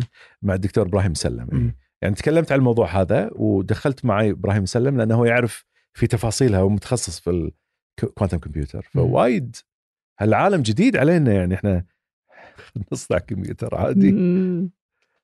يعني إيه يعني الظاهر إنه في هي في أفضل 500 كمبيوتر كمي في العالم أو أفضل أقواهم. يعني في اللي هو top 500 dot org بس حط في اعتبارك إن بس واحد في العرب كله ما في الظاهر إلا واحد اللي في جامعة الملك عبد الله. وهذا إذا شارينه. يعني. آه شارينه اي يعني آه. الكمبيوتر الكمي ترى على فكرة مو الكمبيوتر الكمي اللي الضخم ال- لا لا. آه. خل أبين نقطة. الكمبيوتر الكمي اللي موجود حاليا ليس بالكمبيوتر الكمي الكامل بعد. للحين العلماء يشتغلون على كمبيوتر كمي فعلي يعني بكامل مواصفاته. هناك شروط للكمبيوتر الكمي وهذه الشروط إذا ما اكتملت بالكامل أصبح عندك كمبيوتر كمي كامل. بس مع ذلك هذا أيضا يعني يعتبر رائع جدا. يعني آه، وسيتسيدون العالم. الله يفكنا شرهم يا رب. يعني آه، يعني وهذه اللي تساعد الذكاء الاصطناعي إنه يقدر يكون أكثر يعني إنه يصل إلى مجالات جديدة. بس اذا إذا وصلنا للكمبيوتر متكامل وش اللي بيغير العالم يعني؟ ليش لا لا لا ما ما ما له علاقة فيه. آه. مو بالضرورة يكون له علاقة في الذكاء الاصطناعي. تقدر يعني الذكاء الاصطناعي ممكن يكون جزء منه. تبرمجه عليه بطريقة ما. أنا ما أدري شلون بيسوونه. بس الفكرة إن أنت قاعد تخترق أشياء لم تكن تستطيع القيام بها في السابق. يعني إذا تريد أن تتنبأ بحالة الطقس المعلومات كلها تصير بن- بنفس الوقت. لأن الطقس اليوم صعب تتنبأ فيه. وايد. جزيئات في الهواء وايد معلومات موجودة في الهواء. ما تقدر تحسبها كلها في آن واحد باستخدام الكمبيوتر العادي. تحتاج إلى يعني برمجيات خاصة لحساب الطقس وتطلع لك نتائج مو قوية. كسر الشفرات الشفرات اليوم اللي موجودة الكمبيوتر الشخصي يمكن يستغرق آلاف السنين عشان يكسرها. بالكمبيوتر الكمي دقائق. مصيبة. إي. هاي كلها تنكسر. وهني نوع من التسيد يصير إنك تتحكم في المعلومات اللي توصل تكسرها بكل سهولة وتدخل تاخذ المعلومات. مم. عجيب والله. طيب آه، قبل شوي أنت كذا لمحت كذا الجيل الخامس كذا على السريع يعني. ف وفي برضه أنت ظاهر إنه كان مقطع اليوتيوب اللي نزلته صح؟ نزلت يوتيوب ونزلت حلقة كاملة. آه حلقة كاملة عن الجيل الخامس. آه والجيل الخامس كذا في ناس كذا حتى جربوا فالحلقة والرابط والمقطع على اليوتيوب في مقطع ظاهر حتى بعد ام كي بي اتش دي سوى تجربة كذا. ممتاز. أبغى احطها كلها في وصف الحلقة. آه، سواها تجربة ها؟ يعني راح لأنه Verizon قالت إنه عندهم آه، جيل خامس وقالت لهم تعالوا جربوا يعني. إيه، okay. هذا. فراح يجرب وهو عنده ذي الفكرة إنه الجيل الخامس إنه مضروب. إيه. ف... إنه مؤثر مو مضروب. مضروب آه، يعني يمكن خربان بس لا لا يعني ما جودته مي زي ما يقولون آه هالشركات فهمتك. آه إيه. مضروب هنا. okay. فلا شلون؟ إنه لازم تكون مباشر له. إي. فهو سوى تجربة أكثر من تجربة. okay هذا البرج يقول هذا هو البرج حق Verizon أنا الآن بجرب إنه شفتها الحين إيه. تذكرتني شايفها. بعدين جرب وهو عند البرج. سرعة مخيفة رهيبة. رهيبة, رهيبة مرة. صح. بعدين راح ورا الشجرة صارت صارت الشجرة بس هي اللي ما بينه وبين البرج. مضبوط. انخفضت الظاهر إلى النصف. بعدين راح ورا العمارة خلاص اللي صار 4 G أصلا ما صار صح. 5 G فالجيل الخامس اليوم يسوقوه له في السعودية في الكويت يعني إي شوف أنت الجيل الخامس بالنسبة حق السرعة بشكل عام الجيل الخامس مو bandwidth واحد لا ترددات آه، منخفضة تقارب الترددات اللي نستخدمها اليوم مم. وترددات بالجيجا هرتز عالية جدا ما أتذكر كانه 20 عالية جدا هذه اللي بسهولة تقدر تمنعها. مم. حائط المنزل شجرة إنسان يمكن حتى. إنسان آه، أي شيء ممكن يأثر عليها. لكن آه، لا تعتبر إن العلماء مو عارفين هالموضوع. عارفينه ودارسينه وخالصين منه. زين؟ فهم عندهم أفكار مثلا إن يعكسون الإشارة من الحائط أو يأخذونها من جهاز ثاني فيوزعون ال- الأجهزة على المنطقة بحيث إن تنتقل الإشارات حتى لو كانت هناك حواجز. عبر أجهزة مختلفة من الانعكاسات من من المباني مثلا. بس إذا أنت داخل البيت أنت قاعد تستخدم السرعات أو الترددات المنخفضة اللي تستطيع انها تخترق البيت. فمثلا أنا عندي 5 G في بيتي الحين. ال 5 G يخترق الحائط ويدش. بس شنو؟ بالترددات اللي تستطيع الدخول إلى البيت. واللي تقارب سرعة ال 4G ولا لا أسرع؟ سريعة. أسرع من آه، تقريبا أنا اللي عندي في البيت ضعيف. آه، مم. 500 آه، mega bits per second 500 اي فبرا آه، توصل 1 point something giga سريع. second سريع جدا اي فال 5 G ممتاز من هالناحية إنه يعطيك سرعة ومو بس هذه يعني يعطيك سرعة في ال data ويعطيك سرعة في ال latency، ال latency اللي هي التأخير الابتدائي هذا التواصل. شنو ميزته هذا؟ إذا مثلا أنا ماسك آه، أنا جراح ماسك أجهزة طبعا أنا مو جراح أساس أخاف بعد اللي يستمعون الجدد اللي يسمعون يقولون أنا جراح. أنا مو جراح. فلا تفترض أنا جراح وماسك المقابض هذه اللي يتحكم في الروبوت وشخص من بعيد موجود في الصين راح أجري عليه عملية جراحية بيني وبينه آه، هناك فترة زمنية لوصول الإشارة. فأنا لما أحرك إيدي كجراح أحتاج أعرف وصل إلى المكان ولا لا. فأحتاج ليتنسي أو سرعة كبيرة جدا بيني وبين الروبوت اللي موجود في الصين. وهذا الحين أصبح واقع. التحكم في الأجهزة عن بعد أصبح الليتنسي بينها قليل جدا إلى درجة إن الطبيب اللي يحرك المقابض ما يحس بمشكلة التأخير لأن تحتاج استجابة سريعة جدا من الأجهزة. فهذه الميزتين الأساسيتين اللي موجودتين في هذا. غير الشبكة الضخمة اللي راح تملأ المكان والسيارات اللي مثلا تمشي وتتواصل هي مع بعض. يعني سيارة تريد أن تصطدم بأخرى مثلا ممكن تبلغها أني وخري من هذا المكان حتى أستطيع أني أمر وما يصير حادث.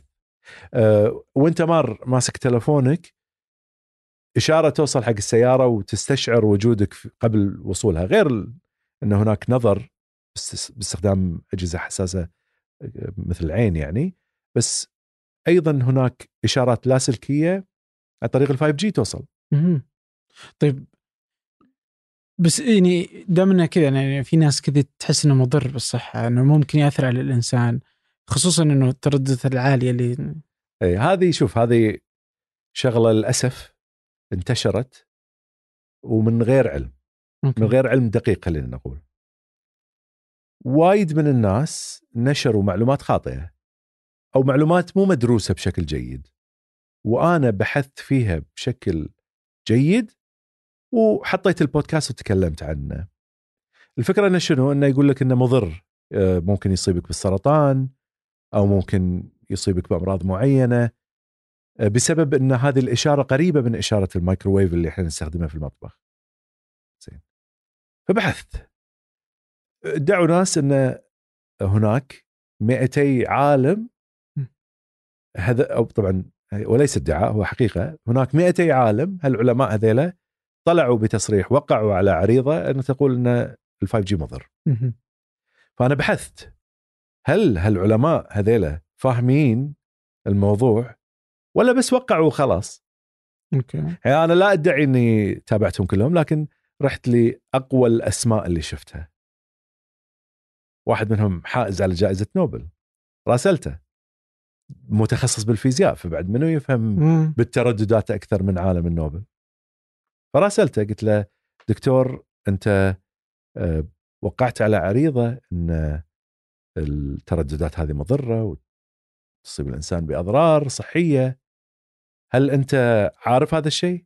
قال لي لا لا لا راسلني لا تت... لا تأخذ رأيي أنا مو مختص في هذا الجانب أنا كل اللي أعرفه قرأت خبر بالجريدة إن الطفل كان مشغلين عندهم أجهزة ذات ترددات عالية كان يصاب بالصرع ولما طفوا الأجهزة هذه راح عن الصرع ولما ردوا شغلوها مرة ثانية أصيب بالصرع. هذا كلام فاضي. ما تقدر تقول هالكلام هذا.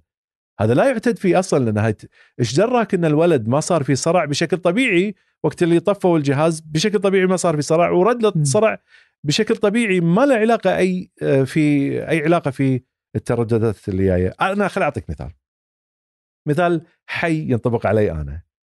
الناس اللي شافوا الفيديو اللي صورته معاك سابقا يشوفون عيني كانت متورمة. روحوا للفيديو السابق وشوفوا. زين؟ تذكرها.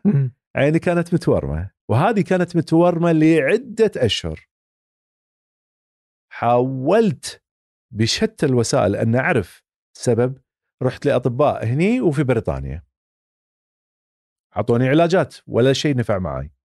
قلت ماكو إلا الأكل. الأكل هو السبب في انتفاخ عيني وتنتفخ الصبح وبالليل تنخفض شوية ويظل احمرار خفيف حوالينها ثاني يوم أقوم نفس العملية. بديت أنا آخذ حبوب الغدة في أيامها وطلع لي هذا الشيء فقلت آه حبوب الغدة هي السبب. جهاز الكهرباء جهاز الترددات. اللي هو السبب في الصرع. حبوب الغدة هي السبب في انتفاخ عيني. فقلت okay إذا كان هذا هو السبب خليني أقطع الحبوب وقطعتها. ما راح. زين. قطعت الحبوب ما راح. قلت أنا صار لي فترة آكل cashew nuts كازو. قلت خليني أقطع الكازو أكيد هو السبب. قطعت الكازو. ما صار شيء. كنت آكل يوميا آيس كريم فانيلا. أحبه. مع إني حبيته متأخر وحبيته بسبب آه، قهوة سعودية آه، قهوة بتيل مم. كنت أروح يوميا آكل عندهم معجب فيه وإذا سافرت حتى بالسفر أروح أدور على آه، بتيل ب- مو لا بتيل آه. لا آه، بتيل ال- مو كل مرة تلاقي في كل مكان لكن أدور على الفانيلا آيس كريم آه. فقلت أكيد الفانيلا آيس كريم. قطعت. قطعته. قطعته لمدة أسبوع راح مني هذا الشيء نهائيا. اوه فإذا هذا هو السبب اللي كان مسبب لي العين الح- الحمراء هذه. واعتقدت انه هذا. هذا الكلام صحيح. زين.